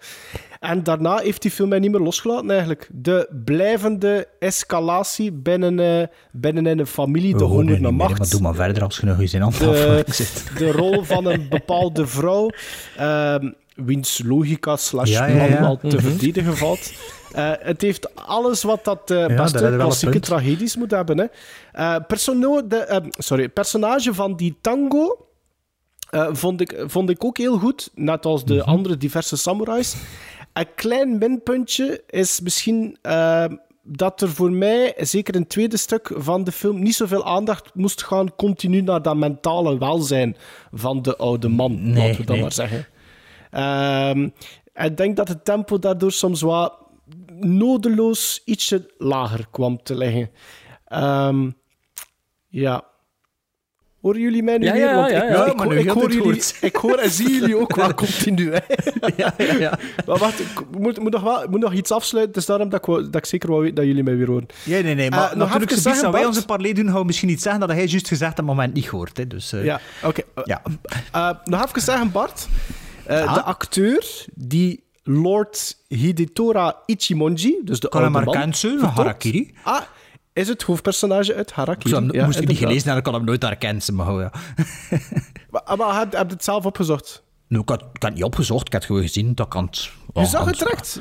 Nee, nee, ik bedoel, Oh, op. IMDb, op IMDb waar ik zo Ah, ja, ja, allee, op ik die dat altijd. Ja, Ik ja, wie is dat hier? Ja, ken ik die van iets? Dat ik zag Harakiri staan. Ah, dat is is ook, dat schijnt echt wel een van de grootste sterren geweest, eh, mannelijke acteurs van... eh, Naast, naast die ene van eh, Seven Samurai, hè, die, eh, dat is ook een hele bekend. Toshiro Mifune. Ja, Toshiro dat is die van had Tora ook- Tora Tora. Die, die had ook in Hollywood gezeten, inderdaad. In Hollywood gezeten. Ja, maar, ik heb de helft niet gehoord wat je gezegd hebt, dus ik hoop dat ik niet te veel in herhaling val. Maar dus voor mij was het niet mijn eerste Kurosawa-film eh, dat ik gezien heb. Ehm, ik denk mijn vijfde of mijn zesde. Wel mijn eerste in kleur. En ik wist ook dat deze in kleur was. En ook dat dat een latere film was. Ik dacht eigenlijk dat zijn laatste was. Maar heeft er dan, daarna had hij nog credits staan. Ik heb niet opgezocht wat dat Eh, In langspelers Dreams of zoiets. Of Dreams. Maar die, die Dreams, je zei dat de vorige keer ook. Maar is, niet, is dat niet... ehm, dat is die niet met Richard Gere, want ik heb dat Nee, opgezocht. is dat is niet. Kustakura? Emir Kustakura, is dat niet van hem? Ah nee, dat is Arizona Dreaming, of zoiets Ja. zeker. Ja. Zwat. Ran wist ik dus wel dat dat eh, een veldslagenfilm was. Dat was wat ik ervan wist, in kleur. Ehm Kurosawa, ja, natuurlijk een hele grote invloed op alle New Hollywood-regisseurs. George Lucas niet de minste, natuurlijk. Ehm like dat ik juist al zei, Hidden Fortress, de film van Kurosawa, dat een hele grote invloed is geweest op Star Wars. Veel van zijn films eigenlijk. Maar eh, Hidden Fortress is waar de R2-D2 en C-3PO op gebaseerd zijn, volgens mij. Als ik me juist voor heb. natuurlijk, in The Mandalorian was er ook een aflevering die volledig Kurosawa was, met, de, met het fort. eh, de aflevering met het fort, met de... Rosario Dawson. Die aflevering Mhm. is ook een pure Kurosawa. Ehm, de film begon en ik was ook inderdaad die, die, de nar. Dat was direct van, oh, my. Want, want, maar zelfs niet over, het gaat niet over de kleder. Dacht ik, ik, ik, ik dacht ook, is dat nu een vrouw of niet? Ja. Wat, is dat nu? En, en het duurde ook heel even voordat ik door had dat dat een nar was. Waardoor, waarna dat ik door mijn fang viel van, ah, dat is juist, dat is een King Lear adaptatie. Want Curaçao, bijna al zijn films zijn eigenlijk adaptaties van Shakespeare. Dat schijnt dat hij dat ook geschreven. En is hij pas na tijd beseft van, ah, dat is eigenlijk gewoon dinges King Lear dat ik opnieuw schrijf. Ik kan niet doen Ah, alsof ik weet waarover King Lear, Lear had. Ik heb dat, ik heb dat dan opgezocht en zo. Maar ja, ik weet dat, dat, dat veel zijn films, de ene is precies een Hamlet, de andere is precies, eh, wat heb je nog van hem, van Shakespeare. Allee, je weet wel wat dat hij gedaan Macbeth, heeft. hij heeft hem ook in Macbeth, verfilming, eh, ja. voilà, Macbeth. Dat is altijd zo een beetje een adaptatie. Eh, Kurosawa en natuurlijk ook ehm Seven Samurai, dat dan later geremaked is als The Magnificent Seven. Eh, Sergio Leone had ook nog een proces aange- aangekregen van Kurosawa, omdat voor een few Had dat dollar een keer more bijna een Ja. letterlijke remake is van Jojimbo, denk ik. Jojimbo, ja. Ja, en Kurosawa zijn grootste invloeden waren eigenlijk de jaren 30 westerns, Amerikaanse films. Dus eigenlijk is dat, waren zijn invloeden de Amerikaanse films en Kurosawa zijn ding ermee gedaan. En was dat op zijn beurt alweer een invloed op de latere westerns en de spaghetti westerns en op, ja, op Spielberg en George Lucas. Mooi en cirkeltje. een mooi cirkeltje, om het maar te benoemen. Ehm, de film duurde natuurlijk heel lang en ik had niet de tijd om me weer een hele avond erop voor te bereiden, zoals met Tokyo Story, want ja, er was maar één zaterdagavond dat ik tijd had om dat te doen. Dus het was een, een beetje tussen de soep en de patatten te moeten inplannen, maar ik dacht van, ik ga toch proberen in één zit te doen. Hoe lang is die? Drie uur? Nee. eh, een uur? 160 Twee uur, minuten. twee uur, drie kwartier, dacht ik. Ja. Maar ik was er toch redelijk vroeg op de avond aan begonnen. Maar ja, het, moest nog een, het was nog een uur te gaan en ik was te moe. Ik dacht, ja, shit, ik moet, moet, moet niet echt wel staan. Dus ik heb niet, niet het volledige plaatje in één keer kunnen bekijken. Wat ik me wel op voorhand ingenomen heb. Ehm, de, films, ja, de film ziet er prachtig uit. Hè. Eigenlijk moest dat een film geweest zijn in, in Technicolor, vind ik. Want de, de kleuren spatten hè, inderdaad van het scherm. Ik vind ook de cinematografie fantastisch. Eh, typisch Kurosawa-stijl, dat je ook later ziet in, op Tatooine en zo, dat ze in die shots dat je ziet, ook al is deze film na Star Wars gemaakt, dat is wel trademark Kurosawa. De shots met de drie ruiters op de voorgrond, met, met, met leger die op de heuvel Oh, ja, ja, ja, komt. ja. Die fantastische longshots, ook al zo, ja, die grote shots met zo twee personages, maar toch, dat, dat werkt. Ik, eh, ik vond dat... Allee, en dan de, de eerste veldslag, dat, dat was echt... eh, ja, die, s- die slow-mo-beelden zonder, zonder, eh, ja, zonder muziek, maar wel met, met, ja, met, met gruwelijke beelden. Eh, De, de, ja. Maarten had gezegd, dat schijnt, maar ik heb het niet gehoord. Maar ook de, de, de, like die man die van het paard valt, die dat blijft liggen, en al die andere paarden die voorbij hem komen gelopen, dat is niet normaal. Ja. Dat. Daar wa- daar word ik echt van onder de indruk. En op een gegeven moment wordt er, iemand- wordt er iemand neergeschoten. En op dat moment switcht die de veldslag naar real-time en met muziek en met alle effecten erbij. En dat vond ik... Allee, want juist op dat moment ging ik de pauze zetten, op dat moment dat gebeurde, dat ik naar de wc moest, of weet ik veel wat. En, en ik, zo, ik was even... Ik dacht, allee, nu kun je niet op pauze zetten, want heel die, heel die veldslag ik plots om. Dat schieten vond ik wel raar. Ik denk dat dat een anachronisme is, of niet? Want ze ik- zijn veel aan het schieten. dat Ik denk dat ze volgens- in... in, in, in Volgens ja? mij ook. Of, ja. of allee, op de synopsis op IMDb speelt- stond er van boven de medieval. 16e eeuw speelt het zich Ja, af. Dus moest het het- is- en toen dacht ik, goh, het moet misschien de Napoleon-tijdperk geweest zijn, de slag van Waterloo. Nee, het is, het is 1500 en zoveel. Het buskruid was volgens mij... Ofwel, misschien is hij daar Ja, al wel uitgevonden.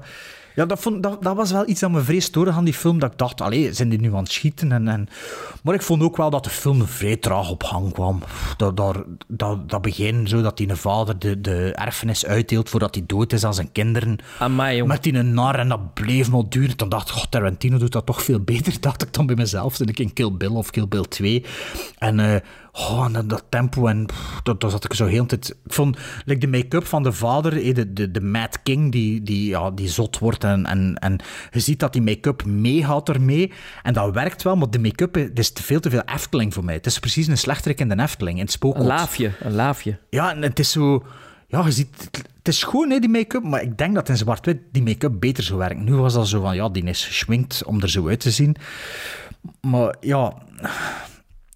En op den duur kan het ook wel een keer moeten afzetten, de film natuurlijk. En het wist ik ook niet meer welke zone is nu welke en wie is nu wat. En toen hier had ik dat probleem wel. Zo, zijn wel andere kleurtjes, maar een dag later wist ik al niet meer, ja, is dat nu die dat hij eerst verband net en dat dat dan de band met zijn vader weer wil, wil, wil aan, aan, aanhalen en zo. Dus ik vond het niet slecht. Hè. En de twee of drie veldslagen die er zijn, maken er veel goed. Maar de stukken ertussen. Ik vind ook dat personage van die vrouw, die verdwijnt dan plots. Ik weet niet hoe lang. Op het moment dat ik dacht, hoe zit dat toen nu mee? Komt ze plots dan toch weer ten tonele. Met haar wenkbrauwen die zo al voor de voorhoofd staan. Ehm, Ik, vond, ik vond dat wel... Ik vond dat wel... Ik vond, ik, ik vond dat wel sterk eigenlijk. Vond, Ja, ik- als ik je dan vond- die film op zich heel, vond dat wel eigenlijk wel sterk. nou, Makes sense. Ja, ik vond, allee, makes sense, maar het duurt lang voordat ze eraan te pas komt. Plots is ze er en als ze precies heel veel te zeggen, dan verdwijnt ze. En dan plots, het moment Ja. dat de pees, die is nu weg, of is, is die nu dood, of wat is er dan nu mee? En dan ook dat verhaallijn met, die, met dat kasteel die afgebrand is en die, die, die die dochter die nog leeft, die dat wraak en die blinde. En dat, ik word er allemaal niet meer mee mee. Dat was, dat was te veel. En dat werd misschien allemaal in de trage babbelstukken allemaal uitgelegd. Maar ja, toen, toen verslapte echt wel mijn aandacht. Dus eh vrij wisselvallige film, zeker niet de beste Kurosawa. Misschien ook wel beter ik hem in een andere mindset gezien. En inderdaad, Sven, ja, die heeft een eh, ene Oscar ontvangen voor de beste kostuum. Ondanks En dat beste, kostuum. en beste buitenlandse film. hè. Nee, nee, nee. Zelfs geen Jawel. nominatie had. Nee, ja, vier nominaties gekregen. Beste regie, beste cinematografie, beste art direction en beste kostuums. En die laatste had hij verzilverd. Heb ik genoteerd. Want de, Kurosawa was de enige in- die- een beste regie-nominatie had, maar dat de film niet geregisseerd was van alle nominees, nominees van de directors. Dus, en die eh, beste, beste buitenlandse film maar, gewonnen is... Volgens die MDB nu, maar ja, ik heb dat ook niet- ik heb dat ook niet gedubbel-double-checked. hè. goed. Eh, maar ja, dus eh, ja, Run, zeker content dat ik hem gezien heb, stond ook op mijn watchlist, dus die, die kan er Run. van. Ehm, en eh, ja, Hero is toch beter.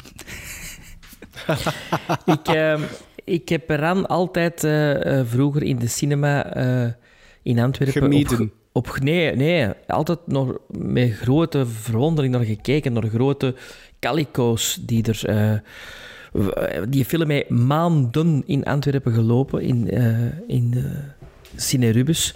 Dat was een kas-succes, succes fou. Dus dat moest wel iets zijn. Ik heb dat toen niet gezien in 86. Ah, trouwens, dat is Ehm, ook de 134ste film, beste film tijden op de IMDb-lijst. Heb ik ook nog genoteerd. Ah, die is toch hoger dan Tokyo Story Ja, dan? is toch hoger dan Tokyo Story. Ehm, dus ik had heel veel verwachtingen voor eh, mijn film, mijn Ran, hè, mijn eerste Kurosawa. Een film waar ik eigenlijk van mijn 12 jaar al eh, denk van, ik moet dat ooit zien. En nu is de Ehm, tijd gekomen. En nu is de tijd gekomen. Ehm, ik heb het eh, in één trek gezien. Dus Dat kon niet zo- anders. Niet zoals het, ja. vandaag. Ehm, en ik heb totaal geen klik met deze film. Maar totaal niet. Totaal niet. Buiten het feit dat Zack Snyder in de les moet bij Kurosawa als het over kleuren gaat. Eh, want de kleuren zijn fantastisch. Maar de, de, de eerste 20 minuten denk ik van, kom mannetjes, ga ik het nog beginnen, alstublieft, met dit, het breken van de zwaarden en met het verdelen Pijlen, de van de pijlen. de Of, manneke leef, dat duurt. En dan komt die een nar en ik vond het ook zo... Hoe, hoe realistisch dat en, en hoe slecht dat ik Tokyo Story in het begin vond van, van, qua spel, maar uiteindelijk viel die puzzel in één. Ik vond deze veel te theatraal en veel te... ehm, Ja. Veel te... te, eh, wacht, hè, ik moet het juist zeggen. Het, eh, bokraak, zo. Ja. Maar dat is Zo, wel, dat is Efteling- wel de Japanse Bokraak. stijl, de Japanse stijl Ja. meer ze, dan Tokyo Story. Ja, Tokyo Story is eigenlijk niet is ja, eigenlijk het is daarom, atypischer. het is voor- daarom voor- misschien dat ik Crouching Tiger ook niet goed vond eh, destijds, eh, als ik dat gezien heb. Ik- deze is zo fake. Ik vind het allemaal fake. En die veldslagen, ja, dat is indrukwekkend. Maar ik heb vele indrukwekkendere veldslagen gezien in Waterloo. eh, met Roger Tiger en Christopher Plummer. eh, van Napo- Sergei, en Napoleon. Ser- Sergei Bondarchuk. In Spartacus vind ik ook veel spectaculairder. Dit is, dat, dat is knap. Maar ik voel hier toch wel, oh ja, het zijn maar 200 paarden. Maar wel 200 paarden die echt op elkaar eh, gepropt Ja, zijn. Ja, Zo- amai. Ik weet het, maar ik voel toch van, je had nog meer volk op die neuvel kunnen. Zo. Ja. En, en dat, is knap, dat is knap in beeld gebracht. En zo'n wolkjes, hè, ja, dat is knap. En de, komt heel, heel de film door, komt, ik weet niet of je dat gezien hebt, komt er meer eh, mist en meer wolken Ja, het weer verslechterd. Hè. Ja, het, hè, dat is zo... Maar dat is ook En het, re- deur. het regent ook hè, op een duur. Is het niet aan het Ja. regenen ook in eh, bepaalde scènes? Maar Of ik heb, mis? ik, ik heb totaal Ik denk geen niet dat klik. het regent. Ik heb totaal geen klik met deze film. Ik, het is, hoe, hoe hard ik dan in deze uitkeek, hoe, hoe, is echt zo tegengevallen. Maar ja, maar hij had zelf, net zoals ik, had hij ook wel hele hoge verwachtingen, hè? Denk ik. ja, omdat dat dus... Allee, dat, eh, Het is ook een Ran- klinkende naam. hè. Het is, Dat een- het is, Kurosawa, hè? het is Kurosawa. Hè? Ja, ik had dat ook, zo. maar, maar bij mij is het beter meegevallen. Wederom, misschien heeft dat er wel iets mee te maken. Dat, maar ja, eh, soms hebben de film klik en soms hebben de je- klik die niet. in de cinema misschien beter tot zijn recht zou komen. Ja, dat denk ik wel zeker. Als, Dat wel, zeker, ja. als je tegen de slaap moet vechten in de cinema, is dat ook wel lastig. Hè. Ja, Maar ik, ik mijn- was niet mijn- mee met deze. Mijn, ik had ook zo de eerste 20, 30 minuten. En ik had dan, zoals dat ik dat juist zei, zo gewoon op het laatste van... Ik vond dat zo jammer dat er... Er, ging, er werd iets te veel teruggeswitcht naar de oude man. Dat, dat, kon, dat, kon allemaal, dat kon wel iets korter, vond ik. maar die schmink ook, die schmink, ik vind dat zo de folkloristische... eh, Ah, eh, ja, maar dan- dan- dan- to- ja, to- ja. toeristisch, toeristisch, tourist trap. Zo van, oh, ik vond dat precies of je staat bij een amateurkring binnen, eh, als je in Japan op bezoek bent en je moet zo een gratis voorstelling meepikken van een amateurkring. van de, van de, allee, van nee, ik vond dat echt niet tof. Ah ja, maar Ja. hoe die Baba nog niet gezien dan? Ik ging, ju- ik ging, ik ging juist zeggen, dan had jij misschien wel nog vaak teleurgesteld worden. Nee, maar deze, het, je had vooral kende een koek, want dat is King Lear. Hè, dus er was ook geen verrassing. Ja, het is, ja, Ehm. het is een Shakespeareaanse tragedie, hè. Ja. Ja, ja, maar ik zie het dan toch liever op zijn Engels. Zo. Ja, maar Christopher Plummer of zo. hè? Ja. Bij John Gielgud of James oh, Mason. Ik had dus dat boek vastgepakt van Geert Verbank voor Tokyo Story. En ik zag, mocht Rand staat er ook in. dus, en in mijn andere boek ook. Dus ik zal nog even een voorleesmomentje inplannen voordat we overgaan naar de gizmos. Wat schrijft luisteraar Geert Verbank in zijn boek? Akira Kurosawa in 1910, 1989. Dus eh, die heeft nog een paar jaar geleefd met deze film. Ja, blind, hè? Blind trouwens. Trouwens, tijdens, tijdens Ran was hem al blind, hè? Ja, dat, dat, ga ik voorlezen ook nog. Maar kijk, ehm, RAN wordt de som van alles wat ik tot nu toe gedaan heb. Ik ben al 50 jaar films aan het maken, maar de echte ziel van cinema heb ik nog niet kunnen vatten. Al kom ik wel steeds dichterbij. Je hebt de ziel van cinema te pakken als je koude rillingen voelt. Ik denk dat ik daar al af en toe in geslaagd ben, maar nog nooit tijdens een volledige film. Andere films eh, van Kurosawa die in dit boek staan: Rashomon, Ikiru, The Seven Samurai en Yojimbo. En eh, wat zegt eh, Sidney Lumet over deze regisseur? Voor mij is Kurosawa de Beethoven van de filmregisseurs. En Ram is een combinatie van de late Beethoven-kwartetten met de, met de Beethoven-symfonieën. Pluspunt voor deze film? Een film van een meester op het toppunt van zijn kunnen. Zo oogverblindend mooi dat je niet weet waar naar eerst te kijken. Een minpunt, zo ongelooflijk traag. Dus eh, Geert voelt ook wel wat wij allemaal een beetje voelen, denk ik. Wat zeggen de echte experts van de 1001 films die je moet zien voordat je moet sterven? Akira Kurosawa draaide ran in het jaar dat hij 75 werd. Zijn lange staat van dienst en meesterschap hebben enorm bijgedragen aan het ontstaan van deze film. Misschien wel een van de mooiste films aller tijden. Van de 1001 films die een mens moet zien voor hij doodgaat, hoort deze zeker in de top 10. Oh. Amai. Ik weet niet of dat in een Joris de filmkast gaat bijvoorbeeld. Ehm, hij werd door zijn maker omschreven als een reeks menselijke weelderwaardig, weeld, wederwaardigheden gezien vanuit de hemel. Oei, oei. Curaçao beheerst de techniek van het filmen als geen andere en de gevechtscènes zijn nog altijd ongeëvenaard. Ze zijn gewelddadig, bloederig en wonderschoon tegelijkertijd. Het, het verhaal is gebaseerd op Shakespeare's... Eh, de minimalistische filmmuziek van Taro Takemitsu maakt een verfijnd gebruik van fluit en percussie ter accentuering van de behandelingen. Speciale nadruk ligt er op de stilte tijdens de gevechtscènes. Zei je dat ook niet, Maarten? Of, maar toen dat er weggevallen wordt? Eh, nee, denk het niet. Waardoor die veel effectiever zijn dan de tot hiertoe gebruikelijke kanongeblunder. Ran propt de wijsheid van een mensenleven in slechts 2 uur en 40 minuten. Ja, waarin tijd zelfs lijkt te zijn opgegeven. Ja, dat klopt wel. Dat klopt wel. Ja. Zoals een personage stelt, de mens komt huilend ter wereld en als hij sterft, dan sterft hij. Ja, een andere opinie. hij, Eh, ja. Ik kan nu al zeggen, de derde film staat niet in deze boeken, dus het was het laatste voorleesmomentje van mijn kant. Dus eh, ik hoop dat jullie er iets aan gehad hebben, dit intermezzo. Gizmos dan maar. Eh, moet ik bij? Nee, Maarten. Eh, ja, ik, ik ga beginnen. Ik, ik ben zeker dat ik de positiefste ben van de drie. Ik geef dat een, een 8. Dat is net de seal of approval. Wat? Ja, ja, absoluut. Hij absoluut. heeft er nog zijn, me- Ja, ja, zijn echte absoluut. meesterwerk nog niet gezien. Ah, ah, wel, ja. Dus ik, ik, ik, ik ga het anders zeggen. Zelfs na dat kantelpunt voor mij, en met heel die film gezien te hebben, denk ik, heb ik nu zoiets van, ik pak die 20, 30 eerste minuten daarbij. Dat, dat was zo, dat hoefde dan zomaar te zijn. En het enige minpuntje dat ik heb, is dat er inderdaad iets te vaak nog gerefereerd wordt naar die oude man, terwijl dat, dat iets compacter kon in de tweede helft van de film. Ja, bij mij zonder te veel uitleg, 5,5 gizmos. Voor mij is hem gebuist, vier. Amai. Een dikke buis. Nee, geen dikke Ja. buis, gewoon gebuist. Ja, nee, gewoon een buisje, vier. Ik vind dat mooi, maar ik vind dat niet meer dan mooi.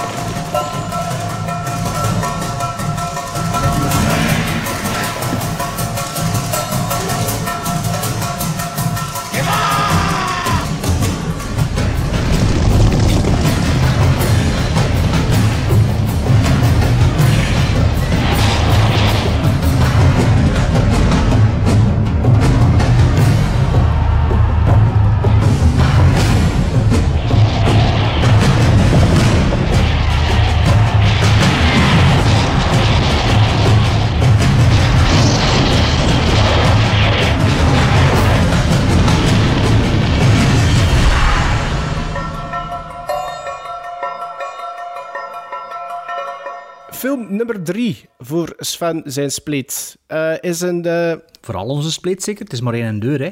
Dezelfde deur, hè, voor ja, iedereen. Het is, het is dezelfde deur. Het is dezelfde deur. Eh, voor mij geen een first-time viewing was dit. de film dat ik voor jullie koos.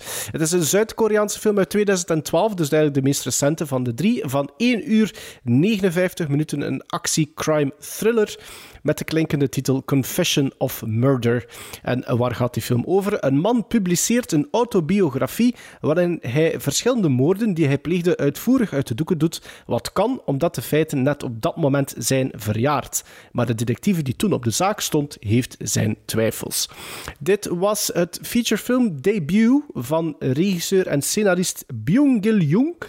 In 2008 maakte hij de documentaire Action Boys over vijf jonge wannabe stuntmannen die werken in de Zuid-Koreaanse filmindustrie. En na deze Confession of Murder duurde het vijf jaar voor hij zijn volgende film afleverde, de actiefilm The Villainess, die sindsdien eigenlijk al op mijn watchlist, sta- watchlist staat, maar nog had hij niet bekeken. Heb. Bij mij staat hij er Nou, ook op, schijnt- gezien. Ja, nou, het schijnt een meer dan oké film. Eh, Bart mag beginnen, hè? Ja, Confessions of Murder kende die film van naam van, van jou eigenlijk, omdat ik... ehm, het, had- die stond ook in die top 100 van regisseurs. Allee, je weet wel, die in de top 100 had er ooit een keer, stond hij er Ah, volgens mij in. En ik, was al- ik dacht eigenlijk dat hij over... Dat was nog voordat hij een Oscar gewonnen had voor Parasite, dat hij altijd over Mem- Memoirs of a Murderer bezig was. Ook een Zuid-Koreaanse film. Dus Confessions of Murder is zo'n beetje... Ah ja, nee, dat is niet dezelfde film. Dus eigenlijk wist ik niks van deze film. Eh, en eh, ja, ik begon vol goede moed. Ik weet ook dat hij gezegd had, Sven, je kunt misschien best eerst naar deze kijken, want deze is het meest toegankelijke. En van de drie films, het is ook de, de recentste natuurlijk. Het voelt ook het meest westerse aan van, eh, van, de, van de drie. Dus allee, een westerse film. Het is ook geen Japanse film, het is een Zuid-Koreaanse film. Het kan ook een verschil maken. Ehm, de eerste scène was totaal niet wat ik verwacht had. Eh dat was een beetje John Wick met moment. Het was echt zo kung fu stijl, een achtervolging. Straight out of seven. In de gietende regen, buiten. ehm, Zelfs de hoedje zelfs. Zelfde hoedje. Kleine referentie naar eh, de Joker uit The Dark Knight ook. Ja, de mondmasker aan. En dan is er zo'n bloedspetter die echt de smile Ja. van de Joker binnen is. Wat volgens mij geen toeval was. Ehm, er wordt ook zo... eh, zijn mond wordt ook opengesneden, zoals de Joker. Dus... ehm, een goed proloogske. Direct zo van... Ah, wat, het is zo'n film dat we aan gaan beginnen. Eh wat kung fu of allee, gevechtskunsten en al. Dacht, oh ja, totaal niet wat ik verwacht had eh, dat dat ging zijn. En dan is er een, een flashback. En eh, toen was ik al even in de war. Want ik dacht, ah, wacht, wacht, we zijn nu 15 jaar later, maar dat kan precies niet, want de film is van 2011. Ik was een beetje in de war. Eh, er gebeurt dan een scène en dan is er weer een flashback, of was die, die ene scène in het heden?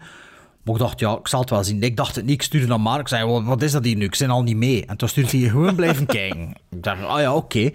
Ehm, en de film ontwikkelt zich een beetje genre de jaren 90 thrillers dat we kennen van in Hollywood. In de nasleep van The Science of the Lambs en de later Seven, vooral Seven. De serial killers. Met wel een twist en dan zo een beetje... ehm, ja, misschien wel zelfs een voorbode van heel het K-pop gebeuren. Of dat dat echt inherent is aan de Zuid-Koreaanse cultuur, dat weet ik niet. Of dat, dat toen al was of niet. Maar eh, ja, de, het, eh, het- de idolen, de, ehm, ja, dat is nog pre-sociale media bijna, die film. Ehm, een beetje profetisch misschien zelfs over, eh, ja, over de media en de, ja, het, de, allee, wat ze in Nightcrawler ook aanklagen. Zo de, het De idoleratie. Ja, maar ook de Mhm. sensatiezucht en dan... Ja. Ehm, misschien dan, ik kan niet zeggen achterhaald, maar de tijden zijn wel wat veranderd sinds dat die film gemaakt wordt. Maar het is zo gevoel wel dat, wat, wat dat ze mee willen zeggen. Ehm, wat, ook een goede variatie op het thema, zou ik dan maar zeggen, als je gans de film gezien hebt. Zeker niet slecht, maar wat dan veel van die Koreaanse films hebben, is dat ze een, een probleem met toon hebben. Of met... Is dat een cultuurverschil, of is dat een, een ander gevoel voor humor? Dat weet ik niet, maar ik ken dat met Train to Busan, ik dat ook. En nog met een paar Koreaanse films dat ik gezien heb, dat dat zo plots... Moeten er zo wat grappige stukken in zitten, die eigenlijk bij een tang op een zijn. Hier had het dan ook nog een paar scènes met hele slechte CGI, die ook een heel andere visuele stijl hadden. De kruisbogscène bijvoorbeeld. Dat ik dacht, oh, wat gaat dat nu over? En, en- over? En dat was plots Anaconda. Eh, voor een momentje, dat ik dacht, oh, oh, er zit ook een, een Luc Besson scène met een autoachtervolging die, die veel te lang duurt en die, ja, ook toch meer John Wick en Taxi is dan wat dat hij eigenlijk al op dat moment gezien hebben. Geen David Fincher, bij manier van spreken. Dus je voelt wel die, die, dat, dat de, de toon in de film schommelt. En ze proberen er veel, te veel, veel te veel mee te doen. En ik vond ook dat de moordenaar veel te jong was. Dat was heel een tijd zo van, allee, die, die dat dat boek uitbracht. Maar ik zat ook nog een beetje in de waan van, dat is vijftien jaar later nog een keer. Dus daar was ik wel een beetje mee in de war. Maar dan was ik ook aan het denken, ja, de feiten zijn verjaard en die is 15 jaar. Dat is 15 jaar of zo, dat de feit moet verjaren. Toen dacht ik, ja, maar die gast ziet er 22 uit. Dus misschien is dat ook de Koreaanse look, dat weet ik niet. Dat, dat, dat, vond ik, dat stoorde me ook een beetje. En als het dan Hans het verhaal, het is wel een variatie op het thema, maar het is wel vrij. Hè. Het is niet makkelijk geschreven, maar het is zo... Like Frantic was misschien makkelijk geschreven, maar dit is echt zo geschreven omdat de puzzelstukjes zo passen. En Wat, wat, wat, het, het komt, ik vind wel, het komt ermee weg. Ik, ja, dat vind ik kantje boord, kantje boord. Allee, het was, het was genietbaar, maar Mhm. Ik dacht ook van, ja, eh, ja, gewoon, het- is, het zat in de regisseur en de scenarist zijn hoofd zo, en je hebt dan zo geschreven, en je hebt dan zo wat de puzzelstukken in elkaar geduwd, en het klopt wel, maar ja, Ja. ja. Allee, je weet wel wat ik bedoel. Maar al bij al vond ik dit zeker geen, geen tijdverlies. Moet ik dat, Nee. moet ik die film nog eens zien? Denk ik niet per se, maar ik heb me daar wel mee geamuseerd. En, eh, ja. Dat is al goed, dat is al goed. Ben blij. Dus het, het was een... eh, het was geen aangename verrassing. Het was een beetje wat ik verwachtte. Er was zeker geen... Ik heb me niet verveeld, ik zal het zo zeggen. Maar, maar nu, maar nu, maar nu. Sven heeft een andere film gezien, denk ik. Sven, Sven kijkt zo van, huh? Wat, wat? Sven, Sven en Memoirs of a Murderer gekeken. nee, nee, nee, nee. Eh, nee, ik heb Confessions of a Murder gekeken. Ik wist ook niks van de film. film begint. Waanzinnige eerste scène. Ik was Ik dacht volledig... wel dat... dat de- eh, mag ik u eventjes onderbreken? Ja, Dat is ja. ook eigenlijk een van de redenen waarom dat ik die film gekozen heb. Omdat ik dacht van, Sven, die eerste vijf minuten, dat is voor Sven. Ja, Sowieso. absoluut. Ik Ja. was verkocht, ik was verkocht. En ik vond dat een rollercoaster van begin tot einde. Ik heb er, me- ik heb er hard op mee zitten lachen. Ik vond dat een beetje Guy Ritchie van Zuid-Korea. Eh die stijl. In- inclusief slechte CGI-slang. Ik vond dat niet slecht. Ik vond dat Allee, helemaal om. niet slecht. Nee, ik vond dat heel... Bij mij op mijn tv was dat niet slecht. Misschien Oh, dat niet was meer heel duidelijk kleuren. wel. Maar bij mij... nee. Ja, oké. Heel maar, je pakt dat toch aan? Maar ik bedoel, Ja, in het Pak begin... dat dan, dat is al een shot dat niet kan, zonder CGI, Ja, maar- voor te beginnen. Ja, maar niks kan in die film. Hè. Je, je ziet dat het realistisch Nee, nee, nee, nee. Dat is een over nee, nee. Dat gaat over beeldvoering. Dat heb ik al meermaals gezegd. Als de shots ziet in een film die niet kunnen fysiek, dan is dat al iets dat mij niet... De suspense of disbelief kan dat niet aan. Als ik, Ik zo van die shots in, in de Hobbit zie en zo... pff, Van die... Totaal geen probleem. Omdat ik, die film begint en die eerste scène, dat de toon wordt gezet. Een beetje te vergelijken... Allee, Met Tokyo niet Story. Nee, met Torpedo. In die eerste scène wordt de, wordt de sfeer gezet van oké, dat gaat dus, dat gaat krijgen van film. Ga- ja, You're ga in, you're mee in of for the ride of you're out. Ja. Ja. En ik was mee. Ik was van in het begin mee. En ik vond dat, ik vond dat super. Meer van dit. Mijn deur is maar ja, opengetrapt ja, met ja, deze. ja, ja, wil- dat dacht ik wilt, wel. je wilt Oldboy niet zien. hè. Ja. Maar ik heb dat beginnen zien, Oldboy. Dat, vind ik, dat, is- dat, dat vond ik toen niet goed. Allee, ik heb dat afgezet. Maar deze is van in het begin is dat, is dat graaf. Ik, Christopher Nolan heeft die film volgens mij ook gezien. Want heel die scène met die auto's, dat is in Tenet. Dat is, dat is bijna, maar veel beter dan Dat is toch. Luc Besson gewoon die scène. Ah, ik vond dat wel Christopher... Dat is niet waar. Dat is... Hm, welke film dan? Of Taxi, Taxi. Is, dat, is dat niet van Luc Besson misschien? Dat is, eerste, Jawel, ja. jawel. dat is, een, dat is een comedy scène met twee auto's. Ja, maar ik vond, ik vond een toon juist heel goed. Ik vond een toon echt gentleman, die, die, die, die film. En, en ik, vond het, ik vond er heel goed in gespeeld. Die, die moeder, fantastisch hoe dat die dat speelt.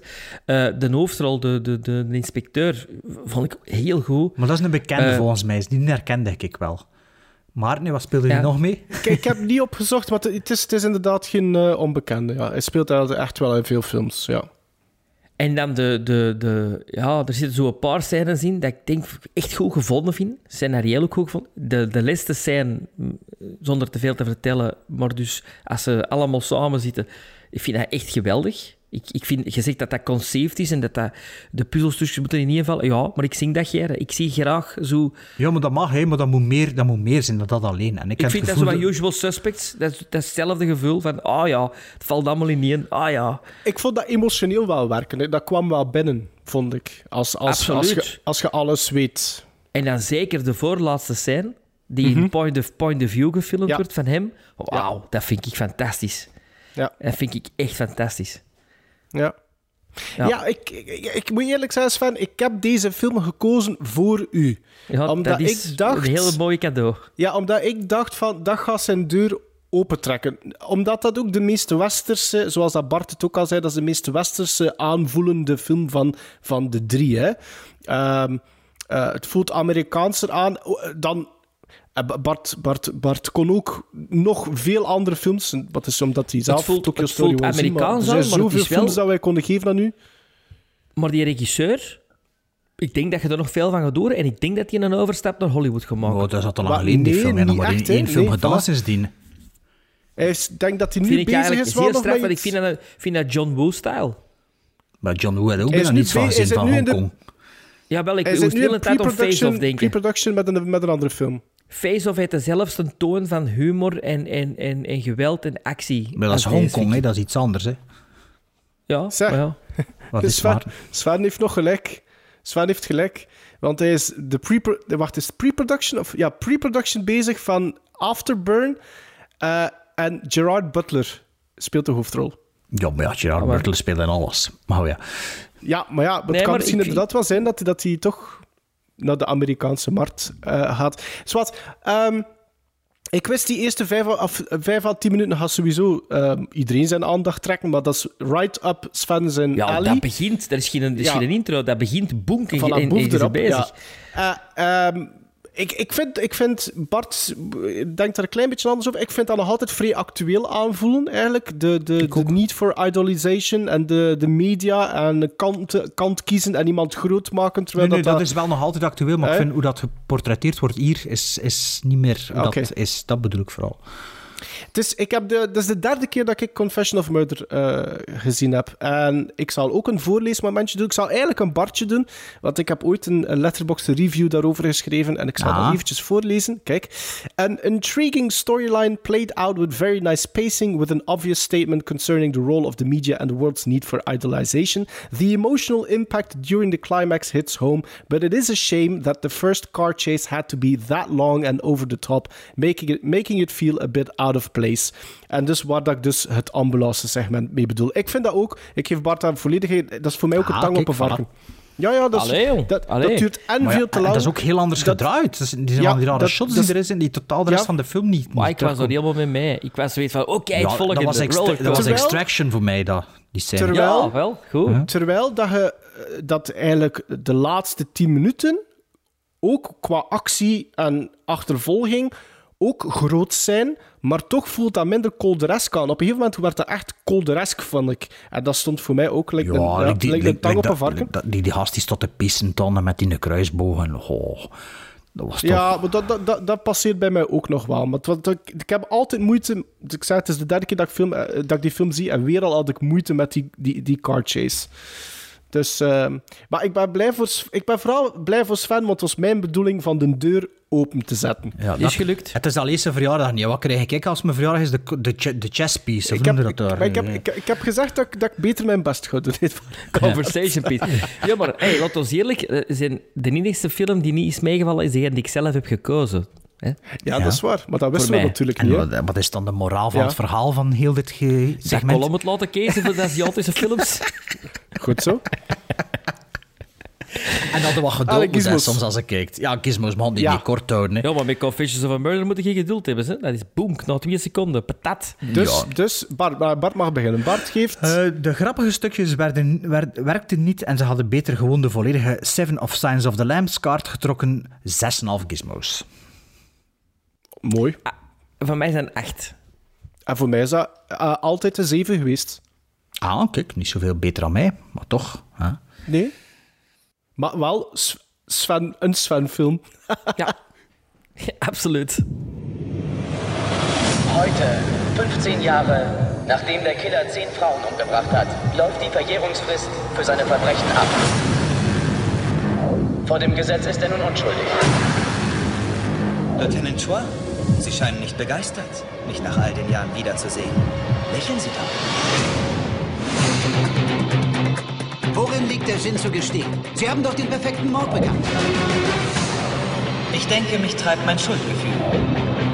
Er macht das nicht ohne Hintergedanken. Schön bereuen, sein Image aufpolieren und dann richtig fett ins Geschäft einsteigen. Eine Stellungnahme! Was sagen Sie dazu, Lieutenant? Ich würde gerne in Ruhe mein Essen genießen. Vom Betrüger zur Berühmtheit? Bisschen spät, oder? Heute schon was gegessen? Unglaublich, wie er die Medien manipuliert. Als ob ich die Medien nicht genauso benutzen würde. Ist er der Täter? Was spielt das für eine Rolle? Wir könnten ihn noch nicht mal einsperren. Ich werde Lee herbringen. Noch ein Opfer wird seit damals vermisst. Die Leiche ist noch nicht gefunden worden. Das war das letzte Verbrechen des Mörders. Warum bestehst du darauf, dass sie tot ist? Du möchtest wissen, wer ich bin? Was ist daran so lustig? Wir gehen an die Presse. Wir können auch eine Show abziehen. Schluss für heute. Confession of Murder. De deur van Sven staat nog altijd op een kier. Staat hij verder op een kier of niet? Dat heb ik vergeten te vragen, Sven. Ja, zeker, Tw- eh, twee op drie, dat is goed, hè? Ja, twee op drie. Dus de kier staat, al- allee, de kier staat al wat verder open. Of al volledig je open. weet, er, De zit- spleet maar is er groter. Zit, er zit een Wong Kar Wai film die ik ook al jaren wil zien, hè? Ah, waar is het? 2046. Dus, Maar even in de moed verlof vind je goed, hè? Eh, Maar heb ik niet gezien, hè? Ah, ik dacht dat je Maar- dat voor hoe vond. Nee, Of Chunking... vind 20 Ah, 2046 had je gezien. Nee, ik heb die cd en ik vind dat een prachtige soundtrack en een prachtige score. En ik, en die, ik wil die film ooit zien. Ja. ja, dat is ook iets totaal anders, maar dat is poëtisch traag. Hè, dat. Maar eh, dat is dan misschien voor een andere keer dat u die film kiest. We zullen wel zien. Ehm, we zeiden ook onlangs dat het lang geleden was dat we een Gremlin Strike Back Classics gedaan hebben. Dus we dachten, laten we nog een keer gewoon drie klassiekers op de tafel smijten. Nou, gewoon hè, onze jacht naar een seal of approval. Hè, dan, want ja, de luisteraars willen dat. Ja, en Sven ja, ja. wil dat ook heel Ja, ja. hard, dat we seal of approvals hebben. Dus eh, ik dacht, ja, laten we dat nog maar een keer doen. Ik weet niet, heb je er een film eh, voorbereid of gekozen, bedoel ik? Ja. Absoluut. Absoluut. Wie begint er? Maarten, begint jij maar. Eh, ik heb een film gekozen die ik eerst wou aanhalen in een van de meest recente movie alphabets. Maar dan had ik zoiets van, ja, dat kan ik eigenlijk met de letter M van Maarten. eh, kon ik beter houden voor dit eh, segment. Het is heel simpelweg de film die M heet. M uit Ah. 1931. Oftewel, M, Eine Stadt sucht eine Mörder van Frits Lang. Een film van 1 uur 39 minuten met Peter Lorre in de hoofdrol. Goeie keuze. Sven Ah, had nog niet gezien, nee, denk ik. Nee, want ik, ik, wil, ik wil al jaren beginnen aan het Frits Lang oeuvre. Dus... Ah, dan is dat misschien een mooie instapfilm. is dat voor uw euro? Een beetje ver. ja. Hey, Frits. M van Doe- Frits Lang. Ja, Sven, wat had jij? Ik ga iets pakken dat we, net zoals Frits Lang, nog nooit is voorgekomen in onze vijfjarig bestaan. Sinds lang. Oei. Sinds lang. En ga ik iemand eh naar voren schuiven die in de vijf jaar dat wij bestaan ook nog nooit aan bod is gekomen. En het wordt dringend tijd. Ik heb een film gekozen uit Ja, niet, 86. niet te veel voor... Gewoon, kom. Dat is voor- niet te veel kak aan hangen. Dat is voor de volgende aflevering, de kak. Allee, kom. Oh, ik moet dus niet zeggen van wat jaar dat hem is, wie dat er allemaal in meedoet. Nee. Dan- ja, jawel, ja, maar ja, doe maar. Doe maar verder. Nee, nee, goed. Allee, doe maar verder met uw nobbo. Dat we een segue kunnen maken. Dus ik heb de film van 86.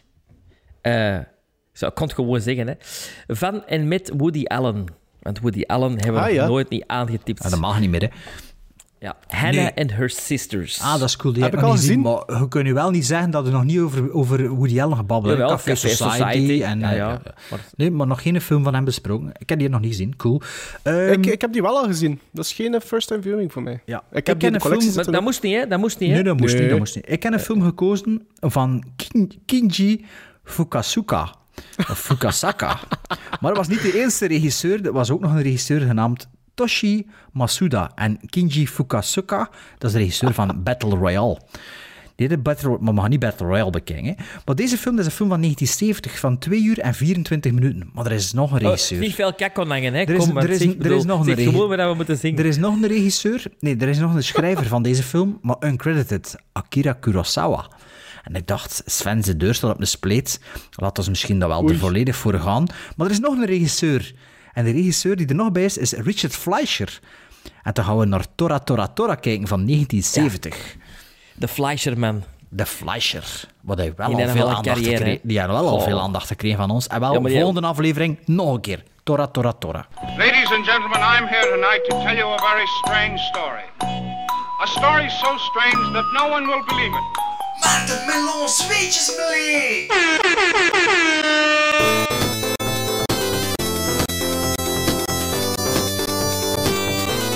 And we, my partners and I, have brought back the living proof of our adventure. Jongens, jongens, jongens. Ja. Kennen jullie Griffin Dunn? Ja. Van naam. After een- Hours. Een komiek, hè? Sven, komiek. Ja. Ik ken die vooral uit An American Werewolf in London. Ja. Maar dat is dus een bekende komiek. Kennen jullie zijn zus, Ja. Dominique Dunn? Ja. Ja, Sven wel. Bart? Nee. Papa, nee. Bart, maar als ik zeg Dana Freeling, zegt u dat iets? Nee. Oké. Het is het oudste kind uit Poltergeist. Ja. Dus de Ah, oudste ja. telg Ah, nee. van de familie Freeling uit Poltergeist, het meisje. Ja, is, ehm, ja, ik weet niet hoe dat het gaat vertellen, maar ik weet misschien wel wat ermee gebeurd is dan. Ah, wel, dat is dus Voilà. inderdaad waarover dat het gaat. Ehm, een meisje geboren in 1959. En ik was, ik was zo al opzoeking aan het werk aan het doen. En ik kwam daarop en ik zei voor tja, wat is er... Waarom is die nooit niet doorgebroken? Ah, je wist dat niet, Eh, wat? Ik wist dat dus niet. Nee, Ah, dat was voor mij... Dit is nieuw. Dat was nieuw voor mij, dit uh, Oh, opzoeken. en, al, de rest, de, al de rest er rond wist je Eh, ook ah, niet? eh, van de andere films? Hoe bedoelde? Ja, die, Ja, is maar wacht, alleen laat bij die film gebleven, Ja, eerste hem ding is... Ja, voilà. Is- is echt een curse, hè. Een curse, hè. Ja, ja, Dus- het is echt, hè? Ah ja, ja, nee, dat weet ik. Ja, de rest, Ah, ja. wel- de rest ken ik wel. Ja, ja, Ja, ja, wel. Maar het was... Ja, dus wat. Dus eh, Dominique Dunn, zus van Griffin, geboren in november 59. Twintig jaar later pas, dus eigenlijk redelijk laat gestart, had ze pas haar eerste rol te pakken in een eh, movie made for television, Diary of a Teenage Hitchhiker.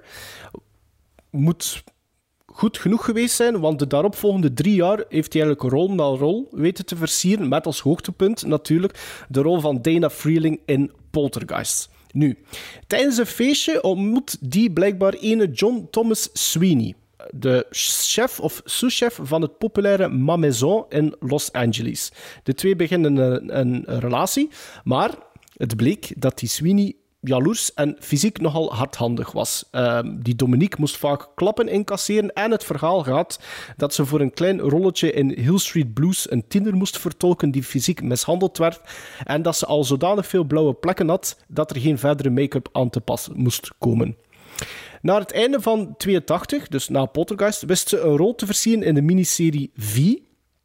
Op 30 oktober maakte ze een eind aan de relatie met Sweeney en oefende ze een scène in met co-acteur David Packer. Die Sweeney kwam aankloppen. Na even ging ze akkoord om alleen naar buiten te gaan om hem te praten. En vanaf het moment dat hij buiten was, viel Sweeney haar aan en wurgde haar. Na even kwam David Packer naar buiten om te kijken of dat alles oké was en zag hij Sweeney geknield over haar lichaam staan en zei die Sweeney dat hij net zijn vriendin vermoord had. Dominique werd hersendood verklaard, eh, bleef nog vijf dagen in een coma, maar werd nadien van life support gehaald. En houd vast, die Sweeney werd schuldig gevonden aan manslaughter, maar de jury achtte het een crime of passion waardoor dat hij maar zeven jaar kreeg en na drie, drie en een half jaar al vrij was. Molle. En de, ja, en de familie van die Dominic Dunn zou die gast nog jaren stalken. En in 1996 heeft hij zelfs legaal zijn naam veranderd naar John Patrick Mora. En ik wist, ik wist oprecht niet wat, dat, eh, wat dat er gebeurd was met, met dat meisje. Dus Maar ik dacht zoiets van... eh, eh, eh, De, de, de, de vloek van podcast met, die, met Heather Ann, en ik, dat weet Ja. ik allemaal. En dan de, de villain in, in de tweede, ik snap het. Eh, maar van die Dominic Dunn, nee, ik, ik, ik, ik had echt zoiets van, wat is er eigenlijk daarna nog met haar gebeurd? En is die gewoon gestopt met acteren? En dan pas ben ik heel dat verhaal te weten gekomen. Maar jullie Ah, wisten ik, dat ik als wist, jullie... ik wist dat van een totaalpakket van de Poltergeist. eh, Ah ja, oké. Ja, ik wist dat ze alle drie... eh, en ik weet dat bijvoorbeeld Heather eh, O'Rourke, of hoe heet ze? Heather O'Rourke, ja. Ja, dat die aan een blinde darmontsteking is eh, gestorven, dat weet ik ook. Dat is dat kindje nog ik weet niet, jong hè? Nee. 12 of zoiets, was die? Ja, Ja. Ja, en, iets dat is nog jonger. en toen eigenlijk wordt er ook met het Poltergeist, eh, Poltergeist Curse, wordt er dan ook over de Twilight Zone gebabbeld. Hè? Dat wordt er ook altijd bijgesleurd. Mhm. hè? Ah ja, ah, nee, dus, kijk, ze was 12. Ik had gelijk. Heather O'Rourke, 12 Oké. jaar. Ja. Ja. Alleen Maarten altijd met zijn plezante weetjes en zo. Hè? Ja, Tragiek, jong. Tragiek.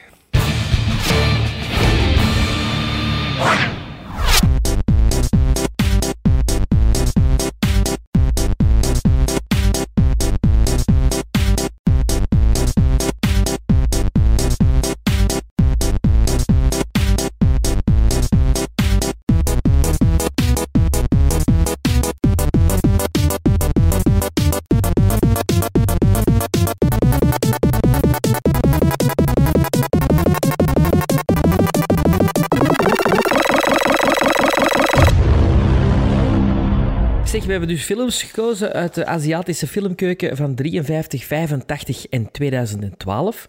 En we hebben dan ook beslist van er vandaag dan ook maar ineens een top bij te sleuren. Een top 53, 85, Topje. 2012 van vergeten, onderschatte of onbeminde films.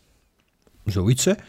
Zo weet Zoiets. hè? Dus van elk jaar van elk ene jaar film. hebben we één gekozen. Voilà, simpel. Zonder te veel eh, statistieken en eh, charting, maar gewoon. Ehm, ja. Beginnen we met 1953 gewoon, chronologisch? Van, hoe Yes. naar, van lang geleden naar nieuw? U begint Van er. lang geleden naar, naar het heden. Ja. Ja, uit de in 53 dus. Ik heb een film gekozen die ik zelf nooit had verwacht dat ik die zou kiezen. Maar ik was wel aan het opzoeken van wat is er allemaal verschenen in 1953. En hou je vast, ik heb gekozen voor een film van een regisseur die vaak bestempeld wordt als de slechtste regisseur ooit. Namelijk Ed Wood. Eh, de film in kwestie heet Glen or Glenda van Ed Wood uit 53. Ehm, een beetje een curiosum, net eigenlijk als alle films van Ed Wood. Het, het gaat hier over. Het zijn eigenlijk twee verhaallijnen die verweven zijn in, in de film. Eh, eentje gaat over een travestiet en de andere gaat over een pseudo-hermafrodiet die een sex change operation laat doen. en als opzet... Hermafrodiet. En als opzet voor dat alles begint de film met de zelfmoord van een andere travestiet, waarna de inspecteur van de politie in gesprek begint met een psychiater. Ehm, ik zeg, oké, ik ga die film een keer herbekijken. Ik kom de 53, ik ga dat waarschijnlijk niet kiezen. Maar dan heb ik dan nog een keer een Ed Wood film gezien. Iets anders dan Plan 9 from Outer Space. Dat iedereen zou zeggen als het over Ed Wood gaat. En dat, dat was de first time viewing of had je er al gezien? Nee, nee, nee. Dat was een, eh, ik, heb die, ik heb zo'n box ooit eh, gekocht van Ed Wood. Ik had die allemaal al gezien. Ik zei, ik Ah, ga ja. nog een keer naar Glenn Ja, en Glenda ja. kijken. En hetgeen dat mij opviel hier... ehm, omdat... eh, allee, er er- er doet altijd heel veel lacherig over Ed Wood. En dat is meestal wel terecht. Dat is allemaal klungelig gedaan, low budget. Vaak één take, omdat er geen geld genoeg was. Maar wat dat hier opvalt, was de ernst van de thematiek, hoe dat die gast dat wou aanpakken. Ehm, Ed Wood speelt ook zelf ehm, het hoofdrolpersonage van Glenn en Glenda. Ja, want die verhaallijn is ook wel een hoofdverhaallijn in, in eh, de Dat film. is de hoofdverhaal, in, ja. in, In de Ed Wood, ja, ja. Ja, dat klopt. Ja, dat ik, Tim eh, Burton. Tim ja, Burton, hè, ja, ja. ja. Ja, Eh, dus, dus dat was geweten van Ed Wood dat hij zelf in, effectief graag eh, vrouwenkleren droeg. Dus ik vermoed dat dat een soort van catharsis was eh, eh, om, om zijn levensverhaal daar ook een beetje in te steken. En je voelt dat dat met een oprechte ehm, ehm, ehm, care gedaan is. Dat, dat- nergens is dat de bedoeling bijvoorbeeld om iets in het belachelijke trekken, te trekken. Sterker nog, het is soms alsof dat je naar zo'n ehm after-school special of zo'n school special zit te kijken, waar dat er iemand eh, echt eh, voor een diagram, wat ook letterlijk eh, in de film zit, zit aan te wijzen van kijk, dit jongens, en dit is een travestiet, en dit gebeurt, en je moet opletten daarvoor, en de psychische problemen, en in een relatie. En dat viel mij gewoon op van... Of dat kwam beter binnen dan tijdens de first time viewing. Van, die gast heeft wel geprobeerd van een thematiek in 53 over dat soort... eh, eh, eh, ehm, ja, verschijnsel. Ja, wat, wat nog, verschijnsel, om, om dat in 53 op pellicule te laten vastleggen. En ik was er eerlijk gezegd aangenaam door verbaasd. Ed Wood, ja, ja wat, wie dat ik nog, natuurlijk nog niet gezegd heb, die er ook in zit, is Bela Lugosi. Maar Bela Lugosi zit in, in alle films van Ed Wood. Het is nog altijd Boris niet- Karloff ook niet in? Of het is een lookalike? Ik weet dat niet meer. Eh, het zal een lookalike zijn, denk ja. ik niet. Hè. Allee, in, die, in, die, eh, in die film van eh dingen, ze. Tim Burton zit er zo'n soort... Martin Landau, het speelt Bela Lugosi. ja, ja, maar er zit er dus ook zo'n zo'n kale man in die een beetje Boris Karloff-achtig... eh, Nee, dat is die worstelaar. Dat is die een worstelaar, ja, dat is juist. Ja, dat is een Die is worstelaar. van Plan 9. En Bride of the Monster of Bride of the Atom, ik weet niet juist welke. Maar ja, het is, het is, het is nog altijd een beetje koffiedik te kijken of dat, eh, Ed Wood echt opkeek naar Bela Lugosi en die opnieuw eh, in de picture wou zetten, dan wel misbruikte om een grote naam aan zijn affiche te kunnen kleven. De waarheid zal waarschijnlijk wel ergens in het midden liggen. Maar kijk, Glen or Glenda, eh, dat, is geen goede film, maar ik was oprecht, ja, ik zeg het, verbaasd over de ernst eh, van de thematiek. Maar, maar nu dat we zo... eh, waarschijnlijk zijn ze de laatste keer dat we een van Ed Wood's films gezien hebben. eh, The Room gezien en, en dat met die eh, Fateful Findings en, en, en Ja, met ja. Birdemic en zo. Past Ja. dat echt in dat rijtje? Want ik ken alleen Plan Nee. 9 from Outer Space gezien in 2001 of zoiets. Half. En ik weet dat dat... Ja, dat was foempig, maar... Is Ed Nee, Wood nee, beter dan vind- die films? Eh, ik vind van wel. Ik vind van wel. ehm, want... Is het door de periode dan dat dat beter is? weet omdat de middelen, niet. omdat de, Ik omdat de middelen niet zo altijd- voorhanden waren? Ik voelde daar altijd wel een soort van passie eh, Ja. in die films zitten van Ed Wood. Ehm, en eh, het was precies ook een goede. Het, het was een goede verkoper. Hè. Dat zit ook in, in, in de film van Tim Burton. Eh, maar ik gevoelde dat de mensen die daarin meededen ook precies ook wel alles wouden geven eh, Ja. op de set. Mhm. Ehm, dus ja, ik, ik, ik- misschien. Het gaat nooit geen. Er moet geen Ed Wood revival komen. Hè. En ik denk dat ik dan misschien.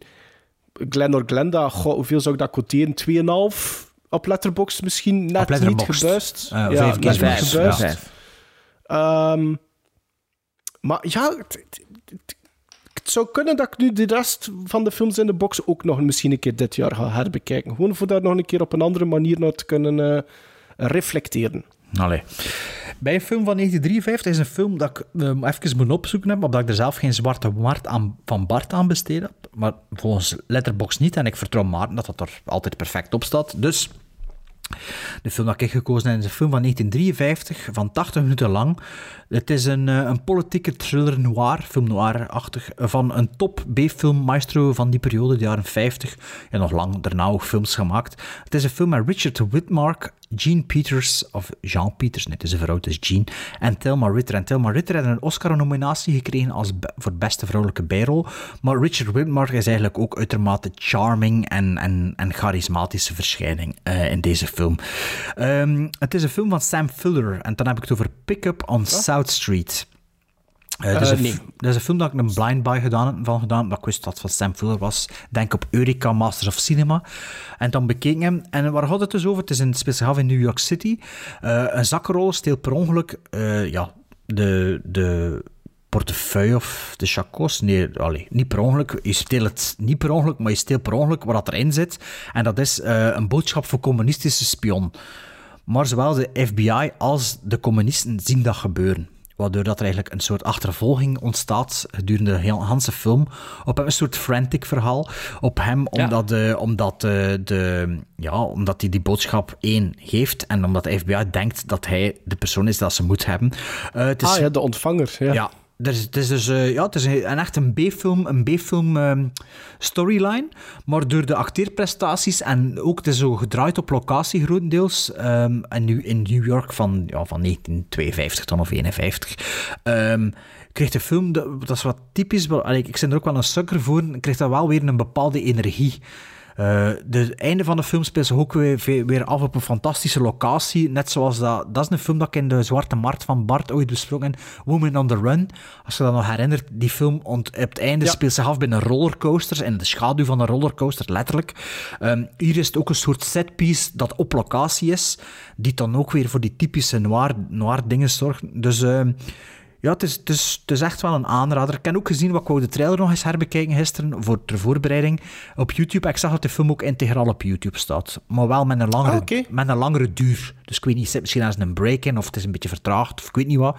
Het duurt wel langer, maar ik heb een paar, paar keer gescrolld en je bleef wel spelen. Het was niet zo ik dat het dikwijls op YouTube heb, dat is onder een, een of andere sketchy website moet gaan voor te kunnen verder kijken. Ja, ja, ja, ja. ja. Dus eh Pick Up on South Street, eh, ja, op Eureka, oftewel op YouTube, hè, als je dat wilt zien. Eh film van 80 minuten. Dat ik zeven gizmos gegeven heb, zag ik op Letterboxd.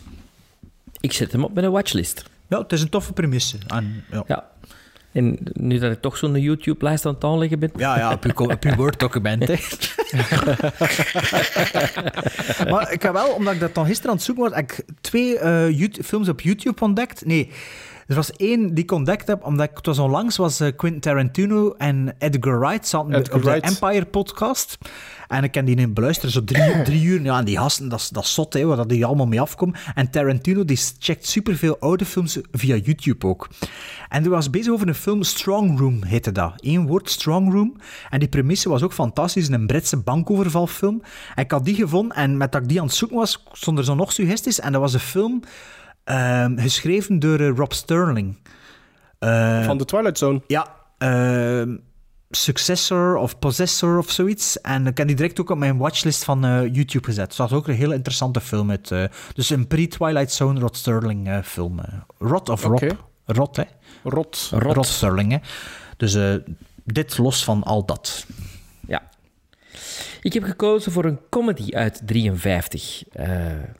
Een Amerikaanse comedy van een zekere Norman Tarrock. Maar met in de hoofdrollen Dean Martin en Jerry Lewis. En het is voor mij de ultieme Dean Martin en Jerry Lewis film. Want ze hebben er veel eh, samen gemaakt. En ik heb het over The Caddy.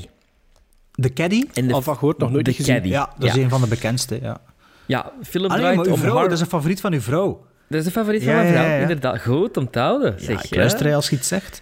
Voilà. Film draait eh, om Harvey Miller, de zoon van een beroemde golfspeler. En Harvey's vader wil dat zijn zoon in zijn voetsporen treedt. Maar Harvey is bang voor grote menigte, beetje agorafoob, en durft ook niet op grote toernooien te spelen. Daarvoor wordt hij op het advies van zijn verloofde Lisa een golfinstructeur aangewezen. En dat is dan de Dean Martin. En Jerry Lewis is de caddy. Super grappige film. Ehm het duurt mm, pff, 90 minuten, denk ik. Het is echt, eh, ja, allee, een topfilm als je van Jerry Lewis en Dean Martin houdt. En hij had hem ondertussen al gevonden Blu-ray of DVD. Ja. Ja, nee, ik heb... eh, de, De, vorige keer was dat het eh, probleem, hè? Ja, ja, ja. Nu heb Ah, ik dit juist gaat er geen oproep gelanceerd, want Ja. je zit dus in aflevering 57 in het segment Internationale Vrouwendag. Ah, dus uw letterbox klopt wel, hè? Dus eh, mijn, ding- dan heb ik toch een film gekozen waar we het al over Ja, hebben maar je gehad. moet op letterbox ja, ja, ja, ja. Maar je wist het wel Ik al heb- te goed, hè? Maar ik... Nee, nee, nee. Want ik heb, ik heb inderdaad die van 2012, ze weet, die heb ik gewoon checken. Ah ja, en die was niet besproken. Omdat ik, om, omdat ik dacht, die heb ik al eens over Ah, gesproken. wel, ik dacht van Pick Up on South Street, misschien in een Watchmen, of logde dat ook altijd Misschien maar.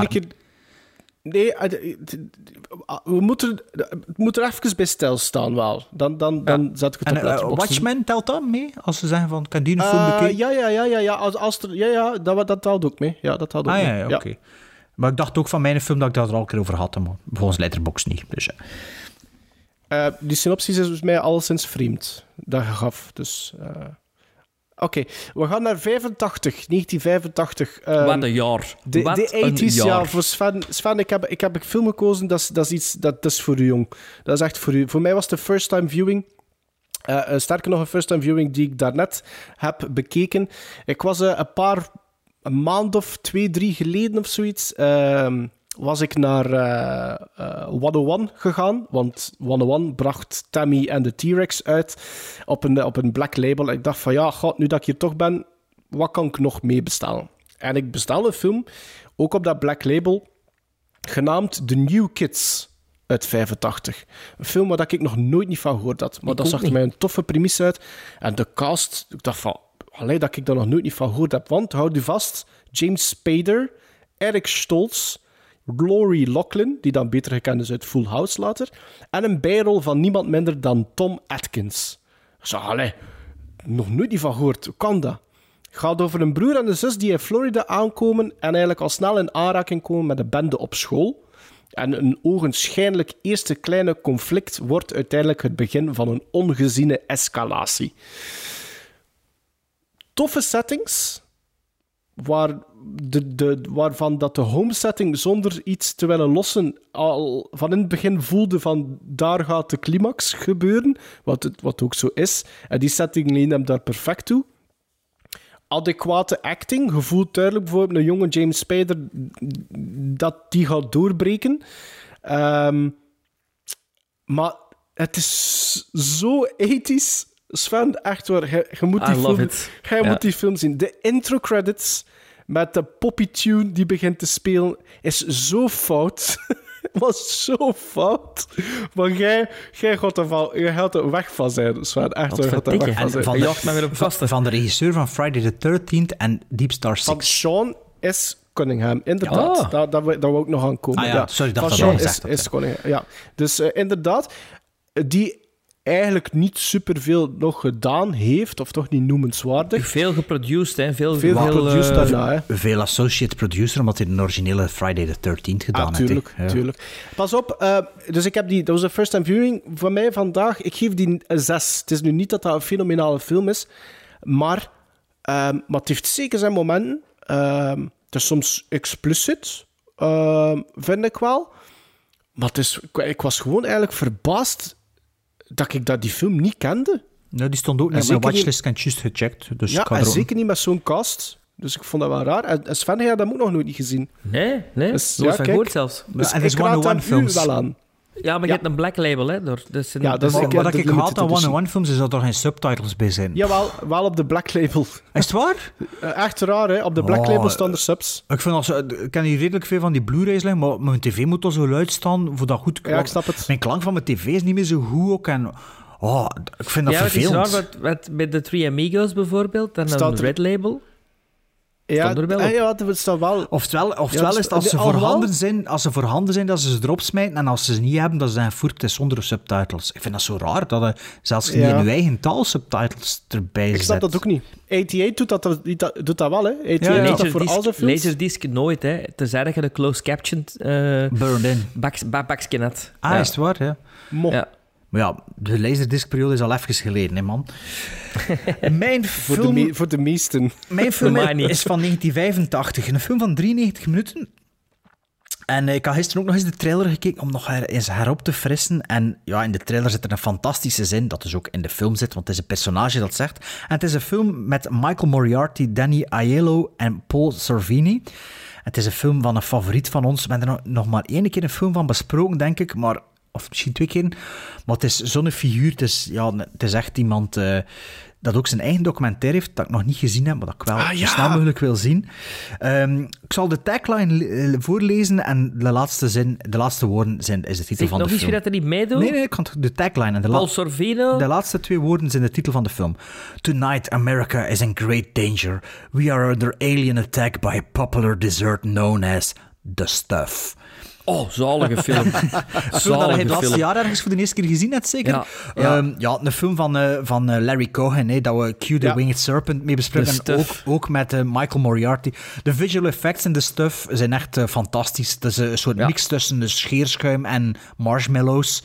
Eh, hele, schone, hele goede structuur. De film ziet er ook fantastisch uit. Het is een B-film, maar wel van, van een hoog niveau, vind ik. Enorm entertainend. Arrow had er een release van. Ik ken hem op DVD. Ik wil die Arrow-release eigenlijk wel hebben. Eh, Ja, een die film, is- een is film voor zij dat niet kennen. Een beetje in het genre van The Blob, de Body Snatchers, Ja. Silent Green. Zo. Maar ja, dat, ik, ken, ik, ken, ik ken de synopsis ook. Kijk, zal ik je de synopsis voorlezen. Ik ken natuurlijk al mee met de tagline dat ik zelf gevonden. Twee mannen ontdekken een scheur in de aarde waaruit een vreemdsoortig groen goedje komt. De mannen proeven ervan en besluiten het op de markt te brengen omdat het spul overheerlijk smaakt. Heel Amerika is al gauw in de ban van een nieuw dessert, ook wel de stuff genaamd. De nietsvermoedende smulpapen weten echter niet dat het spul ervoor zorgt dat hun hersenen afsterven en ze in een zombie veranderen. Allee, zombie zo, hersenloze dinges. En vooral, ja, als je dat ziet, die visual effects zijn echt goed, hè. Ja, maar ik moet wel zeggen, eh, ik, ik had daar ook wel misschien een beetje te hoge verwachtingen van. Ja? Toen dat ik die Arrow, ja, toen dat ik die Arrow Blu-ray gekocht. Ah, dat moet nog heb, nooit gezien. ik- nee, dat was voor Ah. mij ook de first review. Ik vind dat leuk, ik vind dat goed. maar ik vond dat nu ook wel niet super. Nee? Ah, ik, vond dat wel, nee. ik vond dat wel heel tof. Ik had daar, ik had daar echt een... eh, ik heb dan een first-time viewing eh, ook van Arrow. En ik vond, dat, ik, ik vond die kleuren, de Ja, kleuren, ziet- die spatten van het er scherm. goed. Dat is ook wat ik me Ja. herinner, de visual effects. En, en, Ja, die visual effects zijn ze super, hè. en, ja. en Michael Moriarty is toch altijd cool voor bezig te zien. hè. Ja, ik vind die ook Ja, super. Eh, zijn eigen manier, maar... Allee. Leeft hij nog? Nee, die is al gestorven zeker. Hè? Michael Moriarty. Eh, dat zou mij niet verbazen dat die man nog leeft, eigenlijk. Ja? Ik denk dat hij nog leeft, eerlijk gezegd. Ja, oké, Maarten is dat opzoeken. Spannend. Ik ben het al aan het opzoeken, Michael ja. Moriarty. Michael Moriarty is, eh leeft nog. Ja, nog. Ja, ja. Kom aan, Van Tarantino. 1941. Kom aan, Tarantino, dat is eentje voor u nog, hè? Voor de laatste keer en zo. Dus ja, misschien. Niet? ja, het zou nog hij niet, kunnen, heeft hij eigenlijk, niet in een Tarantino-film... eh, volgens mij heeft hij een rolletje in een Tarantino-film. Ah, dat zou kunnen. Maar ik, ik ken al gezegd, die- hè, en- en- oh, heeft hij- na een hiatus, eh, in 2012, heeft hij in 2020 eh, een film weer gemaakt en is er nu een completed en één in pre-production. Dus hij is weer aan het werk. Ja, maar Michael, Moriarty die slag wel altijd door elkaar met de Michael Ironside. Maar ik vind ze fan van alle Oh twee. nee. Ja, ik weet het. is Jack Nicholson. Ja, maar ik weet dat. Maar in mijn hoofd zijn dat, staat die altijd door elkaar. Maar ik ben van alle twee fan. Dus eh, de stuff op nummer... Alleen niet op nummer 2, ja. Met een film van 85. Ja, kijk goed. Bij de film van 85 is eigenlijk ehm, Frantic. Hetzelfde verhaal, Ah, ongeveer. Ja, ik dacht al, maar dat was niet van 85. Nee, Dus, nee, ja. maar, ook- maar wel drie jaar ervoor gemaakt. Ehm, en het is een film met mijn favoriete acteur, met Gene Hackman. Film van Arthur Penn, eh, waarin dat Gene Hackman ehm, Walter Lloyd speelt, die niet zo goed kan opschieten met zijn zoon Chris Lloyd, een rol van Matt Dillon. Maar wanneer zijn moeder wordt ontvoerd tijdens een reis in Europa, verandert zijn vader echt in een man van actie. Want wat blijkt, vader is eigenlijk een undercover CIA-agent en zo'n lief heeft dat nooit geweten. Echt een bijfilmpje, maar een hele toffe actiefilm. Keigoed gespeeld door Gene Hackman en Matt Dillon. Een goede combinatie van die twee. En Arthur Penn is natuurlijk ja, een gast die eh, heel veel klassiekers op zijn palmarès heeft. En ik heb die in de cinema destijds gezien en ik heb die onlangs ehm, in, de, in een eh, eh, eh, kringloopwinkel teruggevonden voor 1 euro op DVD. En ik was kwijt blij. En had- hij de titel al gezegd, of niet? Target. Ah ja. Target. Dus niet Targets. Van Hè? Peter Bogdanovich. Dat voor Target van 85. Nog nooit Alright. gezien. Nee, zeg me ook niets, denk ik. Oké, we nemen het mee. Eh, 2012 dan, hè. 2012 heb ik voor een film gekozen die ik voor de zekerheid daarnet herbekeken heb. Ik had toch tijd. Ja, precies. Het is de remake, de remake van William Lustig's masterpiece Maniac. En Met had hij dezelfde titel. herbekeken? Of? Herbekeken, Ah, ja. oké. Het was geen first, ja, herbekeken. Met eh, Elijah Wood in de hoofdrol en ene Nora Arne, Arnezeder in de vrouwelijke hoofdrol. Ehm, voor wie nooit de originele of de remake gezien heeft, Maniac gaat over een seriemoordenaar die een obsessie heeft voor paspoppen en zijn moeder. Hij speelt Zo simpel is het. Joe Spicoli, zie ik. Ehm, eh, noemt? Spinell. Joe Spinell. Joe. Ja. In de, in de originele versie, ja. Ehm, nu, wat, er goed, wat, wat ik goed vind aan de remake is dat ehm 95% van die film speelt zich af ehm, in het point of view perspectief van Elijah Wood. Dus je ziet Elijah Wood eigenlijk enkel maar in eh, spiegels of reflecties. Dus ik vond dat wel een aangename ehm, keuze. En ook eh, voor dat type van film dat leent hem daar eigenlijk wel toe. En dat is iets wat eigenlijk niet zo vaak eh, gebeurt. Of toch niet voor pakweg de stik van de Hanse film. Ehm, In eh, Henry zit dat ook veel, hè? in Portrait of a Serial Killer, ja, inderdaad. Eh, dus het is een remake die, die gewoon al puur door die beslissing volledig op zichzelf staat. Er zitten een paar echte, voor, vind ik, grove stukken in. En een paar fantastische special effects shots. Er zijn echt twee of drie ehm, shots dat ik gezien heb dat ik nog altijd aan het denken ben van, amai, hoe hebben ze dat gedaan? Het enige minpuntje dat is wel een groot minpunt, maar dat is die, dat is die vrouwelijke hoofdrol. Die actrice, het is niet dat die dat slecht speelt, maar dat is een Française, dus dat is een Franse. En het lijkt alsof dat al die dialogen in post opnieuw zijn opgenomen. Ah, Waar hebben we dat nog gehoord? Ja, voilà, waar hebben we dat nog, nog gehoord? Misschien was dat accent op de set te dik of zoiets. En hebben ze, mo- moesten ze dat dan in de studio een beetje recht trekken. Ik weet het niet. Ehm, maar ja, eh, Was dat niet opnieuw ingesprongen door Max van Sydow? Nee, nee, die, die, die niet. Maar je voelt dat dat een beetje artificieel is. Het is ik, ik heb er geen enkele twijfel, het is haar, het is, het die vrouw die dat doet, maar je voelt dat dat niet juist is. En eh, dat, wordt, dat wordt extra beklemtoond omdat Elijah Wood eigenlijk ook alles voelde dat ADR is. Eh, maar dat werkt wel als je daar in die point of view zit. Dus dat werkt. En, maar zij, ah, dat, dat voelde een beetje wrang aan. Ehm, de originele Maniac speelde zich, af, speelde zich af in New York, deze in Los Angeles. Maar heeft wel met momenten dezelfde sleaziness. En er zitten echt hele goede knipogen naar de, naar de film uit, uit, eh, uit het jaar En wie heeft 80. dat Of van geregisseerd? 80, dacht ik zelfs. Dacht En zeker Frank Calhoun, zoiets. Eh, die heeft daarna Prey nog gedaan. eh, een Amityville film. Eh, de laatste, vermoed ik. Maar ik denk niet dat die... Prey met Nicolas Cage? eh, ik weet het niet. Ik weet het niet. Ik durf het niet zeggen. Met die leeuw in Amsterdam. Ja, nee, dat is het zeker niet. De, de, ik weet het niet. Ik weet het niet, Sven. Eh, dat is maar, Primal. Primal. ja. maar die is nog altijd bezig, maar ik denk nu niet... Ik geef dan Nou, net Elijah, Maniac de- El- Elijah Ja, Wood maar. gebruikt zijn geld dikwijls voor zo'n films te produceren. Hè. Dus zo'n produce... Ja. spooky, eh, spookies, nee, niet spookies, eh cooties. Had hij ook Cooties, gedaan, hè. Ja, ja. Cooties, maar dat niet. Is Ah, nee. eh, geco-produceerd. Maniac is geco-produceerd door Alexandre Aja. Dus dat is Ah, al ja. de tweede Ah, aflevering op rij dat ik Alexandre Aja kan Is benoemen. dat- En, en Maniac, ik weet hoe dat die film uitkwam, werd hij redelijk verguisd, omdat dat eigenlijk zo, ja, je moet dat niet remaken, Maniac, hè, want dat is William Lustig, als ik niet verkeerd ben.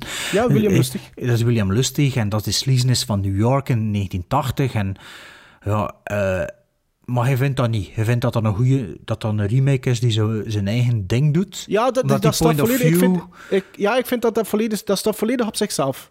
Dat Dus heeft een eigenlijk andere Eigenlijk hadden ze beter een andere titel genomen, dat iedereen toen zei, ja, dat is eigenlijk het verhaal van Maniac, maar ja, het is wel nog cool. Was dat niet beter geweest dan? Eh, ja, maar natuurlijk, de, de film was zo self-aware, omdat er ook veel knipogen naar Ah ja, ja. Maniac in Maar is dat in Maniac Cop ook niet al een knipoog naar Maniac? Wat? Of niet? Dus het is, het is sleazy Cop was New York en het is William Lustig Lustig. ook, hè, ja. Ja. ja. En Larry dus- Cohen. Ja, Eh, maar, scenarist maar dat- zeker, hè? Die, die link zou ik niet zo, zo, zo, zo leggen. Eh, ik denk wel maar- dat Joe Spinell ook een klein rolletje heeft in Maniac Cop, Ja, dacht ma- ik, hè? ma- Ja, ma- ja, ja. Maniac is veel, is veel, eh, rooted- veel meer rooted in reality. Dat fantastische van, Ja, ja. van Maniac Cop zit er niet in. Hè. Dat, is, dat is brutal. Dat is brutal hè. Goed. Ja. Allee, Ah, maar ik was wel fan van Maniac Cop. Maar gelijk bijvoorbeeld, Ja, maar- op een gegeven moment zit er, zit er een shot in dat Elijah Wood ehm, zich draait naar eh, eh, een, een auto en door de reflectie op het portier is dat eigenlijk de poster van de originele Maniac. ah, ja. ja, met die, Dus met die hoofd zo van en die, die- en die mes. Zo. Ja, ja. Ja, dus er zitten een paar van die momentjes in. Ah ja. Ik moet die niet zien, die originele. ja. Ja, we kunnen zeker eh, Ehm, bekijken, vind ik. Maar ik, ik, ken die, ik heb die nog maar één keer gezien. en Ik ken die dezelfde avond, het was zo Halloween, dezelfde avond Mrs. Miss 45 ook gezien. Dus die twee films zijn van sfeer een beetje hetzelfde. Dus in mijn hoofd, Ja. ik denk dat misschien zelfs Joe... ehm, Van grittiness ook, hè. Dat is Joe Spinell. Oh, ik, ik zei, nee, Spinell, hè? Ja. Joe Spinell. Spinell. Spi- Spinell, dat die ook meespeelt in Miss 45 zelfs. Dus, dus zo. kunnen. Maar dat is Abel Ferreira, hè? toch? Eh, dat denk ik wel. Ik denk dat Ja, Abel ja, Ferreira ja, is. Ja. Dus die twee films gaan bij mij een beetje over in elkaar. Eh, mijn film is eh, van 2012, een film van 101 minuten, langer dan dat ik me herinnerde. Ik dacht dat dat een kortere film was, omdat het eigenlijk een heel low-budget film is. Eh, het is een film van Jeremy Gardner. En Jeremy Gardner is ook een van de twee hoofdrolspelers in deze film.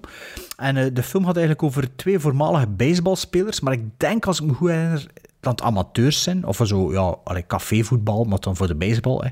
Ehm, die eigenlijk eh, samen genoodzaakt zijn om samen te werken, omdat er ehm, een eh, zombie-apocalyps uitgebroken is. Dus die twee moeten eigenlijk eh, een plan zien te trekken. En dan heb ik het over eh, ja, een low-budget film, waar dat er 2012 wel wat te doen rond was, maar dat dan eigenlijk ja, weer verdwenen is. En ik dacht dat die regisseur misschien ondertussen ja, verder zo geraakt. Maar ik zag op zijn IMDb dat hij nog altijd zo twee, drie van die low-budget films gemaakt heeft sindsdien. En dan heb ik het over The Battery. Ik dacht ook dat ik Ah, dat misschien al een keer over gehad heb. Ehm, maar het is goed geregisseerd. Ik weet nog, op het begin zitten er een paar toffe shots. Ehm, met, met, een met nieuw bestaande budget en geluid ze heel veel dingen.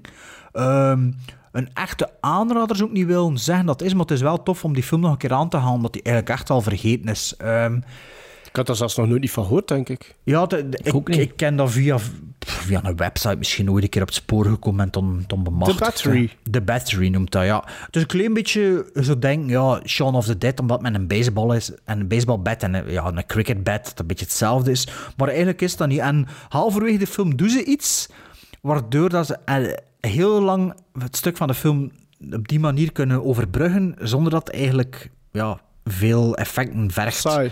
Ah ja, ja, oké. ja. Zonder, zonder dat ze grote kosten moesten doen en zo. Dus eigenlijk is dat met een heel klein budget gedraaid. Clever. Ja, clever gedraaid.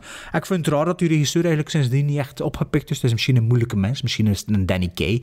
Wie zal het zeggen? Ehm, maar eh, ja, dus is nog altijd zo aan het dabbelen in die... eh, in die... Of misschien was er op dat moment eh, misschien inderdaad Shaun of the Dead en, en, en Ja. dat is dat veel later, beetje hè, te veel- 2012. Allee, ja. En, Ja, ah, maar Shaun of the Dead is 2008, denk ik, hè? Nee, veel vroeger, hè. 2003 of zo. Shaun of the Dead? Ja, hé. We 28 toch een Days, later is, 28 Days Later is volgens mij 2001 of 2002 en toen Shaun of the Dead 2004 misschien. 2004, ja, inderdaad, 2004. Ja, ja, ja, dat is- terecht. dus, allee, en het, is, trekt ook niet op Shaun of the Dead. zijn. Die comedy zit er niet per se in. Maar het zijn zo'n paar... Ja, ik vond dat een toffe film, maar... eh, ja, misschien Weet je wat dat er ook uitgekomen is in 2012? Die Grabbers. Dat had hij ook al gezien, hè? Ja, maar daar heb ik het al over gehad. Hè. Ja, inderdaad. ja, maar ja, ik dacht, ik dacht eigenlijk dat, dat omdat je dat zei, dat dacht ik dat Grabbers ging zijn. Nee, Grabbers is Eh, het niet. Oké.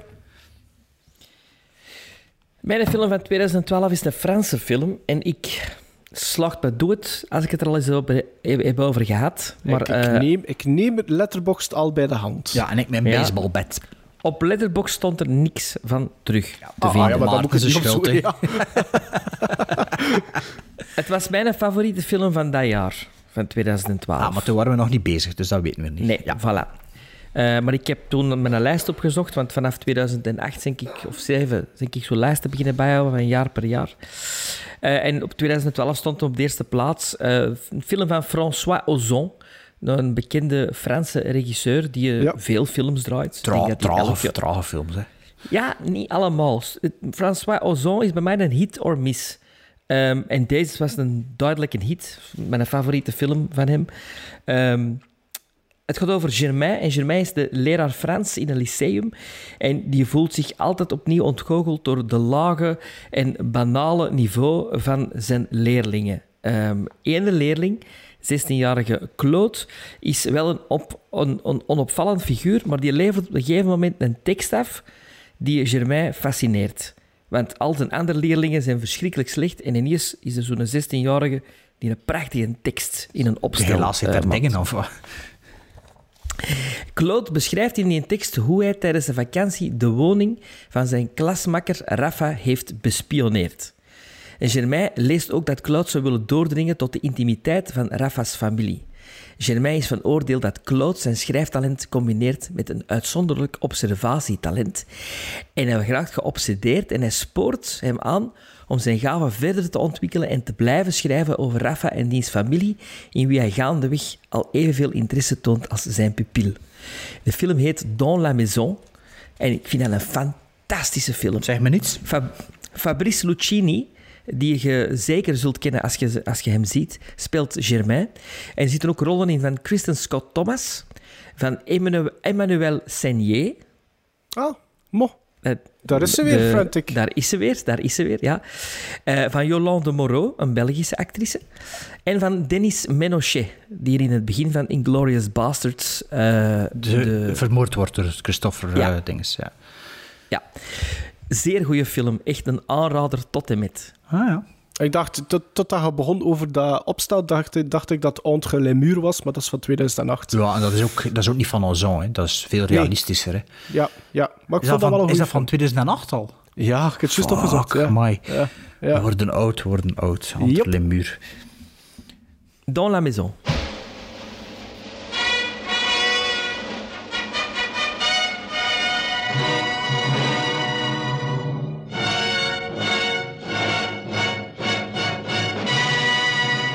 Voilà, hij een feestaflevering van 130 is, weer zo'n schoon nummer. Hij moest 130 jaar worden, het toch een schoon feest geven, denk ik. hè. Dus 130, aflevering 130 is afgelopen. En volgende keer doen we nog eens van een Gremlin Strike Back Classics, namelijk met M van Melon Maarten, met Tora Tora Tora van, allee, niet van mij, van, maar gegeven door, Tora Tora Tora, geschreven door mezelf. En er Sven, ga ik even denken, je mag het niet verklappen, dat is een film van Woody Allen, Hannah and Her Sisters, klopt hè? Klopt. Of was het een andere film van, eh, dan, nee, nee, and Her dat Sisters, is hè, we bekijken. Ik had er zoveel kak aan hangen, hoe kon ik het ook vergeten? Maar voor we afscheid nemen, hebben we nog één iets te doen. Joris Filmkast. Joris Filmkast. Joris Filmkast. Joris Filmkast. Ik ben toch niet gek? Inderdaad, Joris zijn filmcast en de vorige aflevering eh, heb ik ons kwaad gemaakt omdat we niks van Joris vernomen hebben. En Joris, he came out of the woodwork. We hebben een brief gekregen van Joris. Hier, je hoort hem. Ik heb hem net uit de brievenbus gehaald. Dikke brief. En, eh, ja, een dikke brief. En ik zal hem voorlezen. Beste Gremlins, ik wilde al bijna vrienden zeggen, want ik begin jullie door de tweewekelijkse podcast al meer te horen dan sommige kameraden van mij. Eerst en vooral wil ik jullie enorm bedanken voor het ter harte nemen van mijn suggestie. Ik luister nog steeds naar jullie leuke babbels over films, doch moet ik hierbij vertellen dat ik dit voornamelijk in autoritjes of tijdens loopsessies doe. En door het koude weer en de lockdown kom ik iets minder buiten dan gewoonlijk. Flink zo. Bij deze hebben jullie ook alvast mijn excuses voor de late reactie op de afgelopen afleveringen. In bijlage heb ik alvast mijn filmdoos, nog geen kast door verbouwingen, en de start van de ultieme filmkast. Ik heb toch al drie films van jullie lijstje. Oeh, dat is nog niet zoveel, drie films. Eh, namelijk Alien, eh, samen met de box van Alien, Platoon en The Shawshank Redemption. Gelukkig verjaar ik binnenkort 6 maart en staan Beverly Hills Cop, Casablanca, The Thing en Heat ook op mijn verlanglijstje. Volgens Letterboxd heb ik al 9% van de lijst gezien. Is gelijk aan 1 van de 11. Alien dus. Dus onze Ah, lijst ja. is eigenlijk echt wel goed voor hem, want het zijn allemaal topfilms dat hij nog niet gezien heeft. Wow, wat voor de first time viewings had die man deze, dit jaar beleven. Ehm, zoals jullie misschien... Ja, er zat dus een foto bij van een doos met allemaal dvd's. Hè, maar dat kan ik moeilijk eh, aan de luisteraars tonen. Maar ik zal verder lezen. Zoals jullie misschien wel aan mijn filmkeuze zullen zien, ben ik grote fan van de Marvel-films X-Men, het DC Universe, Universe Sum en vooral veel actiefilms. Laat jullie hier vooral niet door beïnvloeden om nu meer op dit genre te focussen in de filmcast, want ik sta zeker open voor alle genres. Als er één iets is dat ik niet doe, dat is luisteren naar suggesties. Dat is de zin die ik zeg en dat hij niet schrijft. De, de DC-box zit momenteel niet in de doos, maar ligt langs mijn dvd-speler als mijn eerstvolgende to-watch movies. Nogmaals bedankt, keep up the good work. Ik ben nu maandelijks een klein filmbudgetje aan de kant aan het zetten om de ultieme filmcast te vervolledigen. Thanks. Met vriendelijke groeten, Joris de Koning. Heet hij blijkbaar, Joris. Dus Joris, uw filmkast, je bent goed bezig, hè? proficiat van ons alle drie. Hè? Ja, Ehm, goed zo. En ik zou zeggen, lockdown of niet, ga naar de kringloopwinkel. Kan zijn dat je veel van die films vindt en dan moet je niet zoveel budget eraan uitgeven. Nee, maar uh, Sven, Goeie tip. Een euro Hele Target. tip. ja, en ik ken, mag het niet doorvertellen aan de kringloopwinkel, maar in de lockdown heb ik twee keer in de kringloopwinkel van, eh goh, hoe noemt dat daar in het Waasland ergens dat we moesten zijn? Eh, Beveren? Beveren was het Beveren. Twee keer in de, in de, twee keer in de kringloopwinkel van Beveren. En ze, ik, binnen, binnen geweest. Ik had er twee keer een stuk of twintig. Er zijn twee keer maar aan 50 cent gerekend in plaats van 1 euro. Dus ik ken, eh, ik ken eigenlijk... eh, Zaakje. Ja, zaakje Zaakje. gedaan. Dus misschien moeten allemaal naar de... Het is er een gans diep vol met dvd's in Beveren. Ik denk dat het Beveren was. Dus daar eh, kunnen we misschien wel nog deals doen. En anders is het ook maar een euro in de kringloopwinkel. Maar eh, Joris Filmcast. En Joris en Filmcast staan. Total Recall. The Breakfast Club. Beverly Hills Cop. Alien. Heat. Goodfellas. Platoon. The Shawshank Redemption. The Thing. Crimson Tide. Casablanca. Top Gun. Mad Max Fury Road. En Young Frankenstein. Wow. Oh, wat een films, jongen. Wat een films. Ja, Joris vindt echt... Dat zijn films, als ze in de kringloopwinkel liggen, ik weet niet wie dat er dan weg doet, maar ja, ga ze maar gaan oppikken, hè. Allee, kom, voor een euro of 50 cent dat de chance zet. Now, was that civilized? No, clearly not. Fun, but in no sense civilized.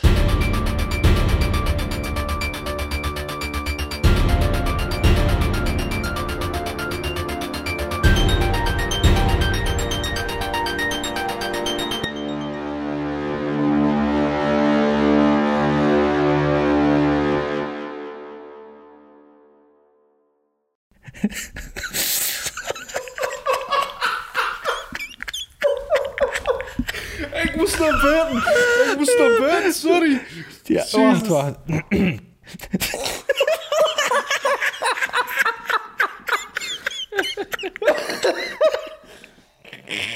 Oh, dat gaat niet goed komen. Ja, wacht, wacht. Ik zie je drap maar in mijn ooghoek.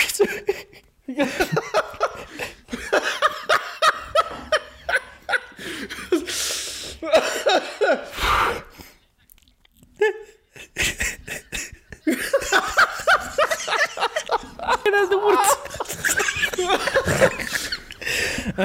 Het klinkt dan nog aan de woezel.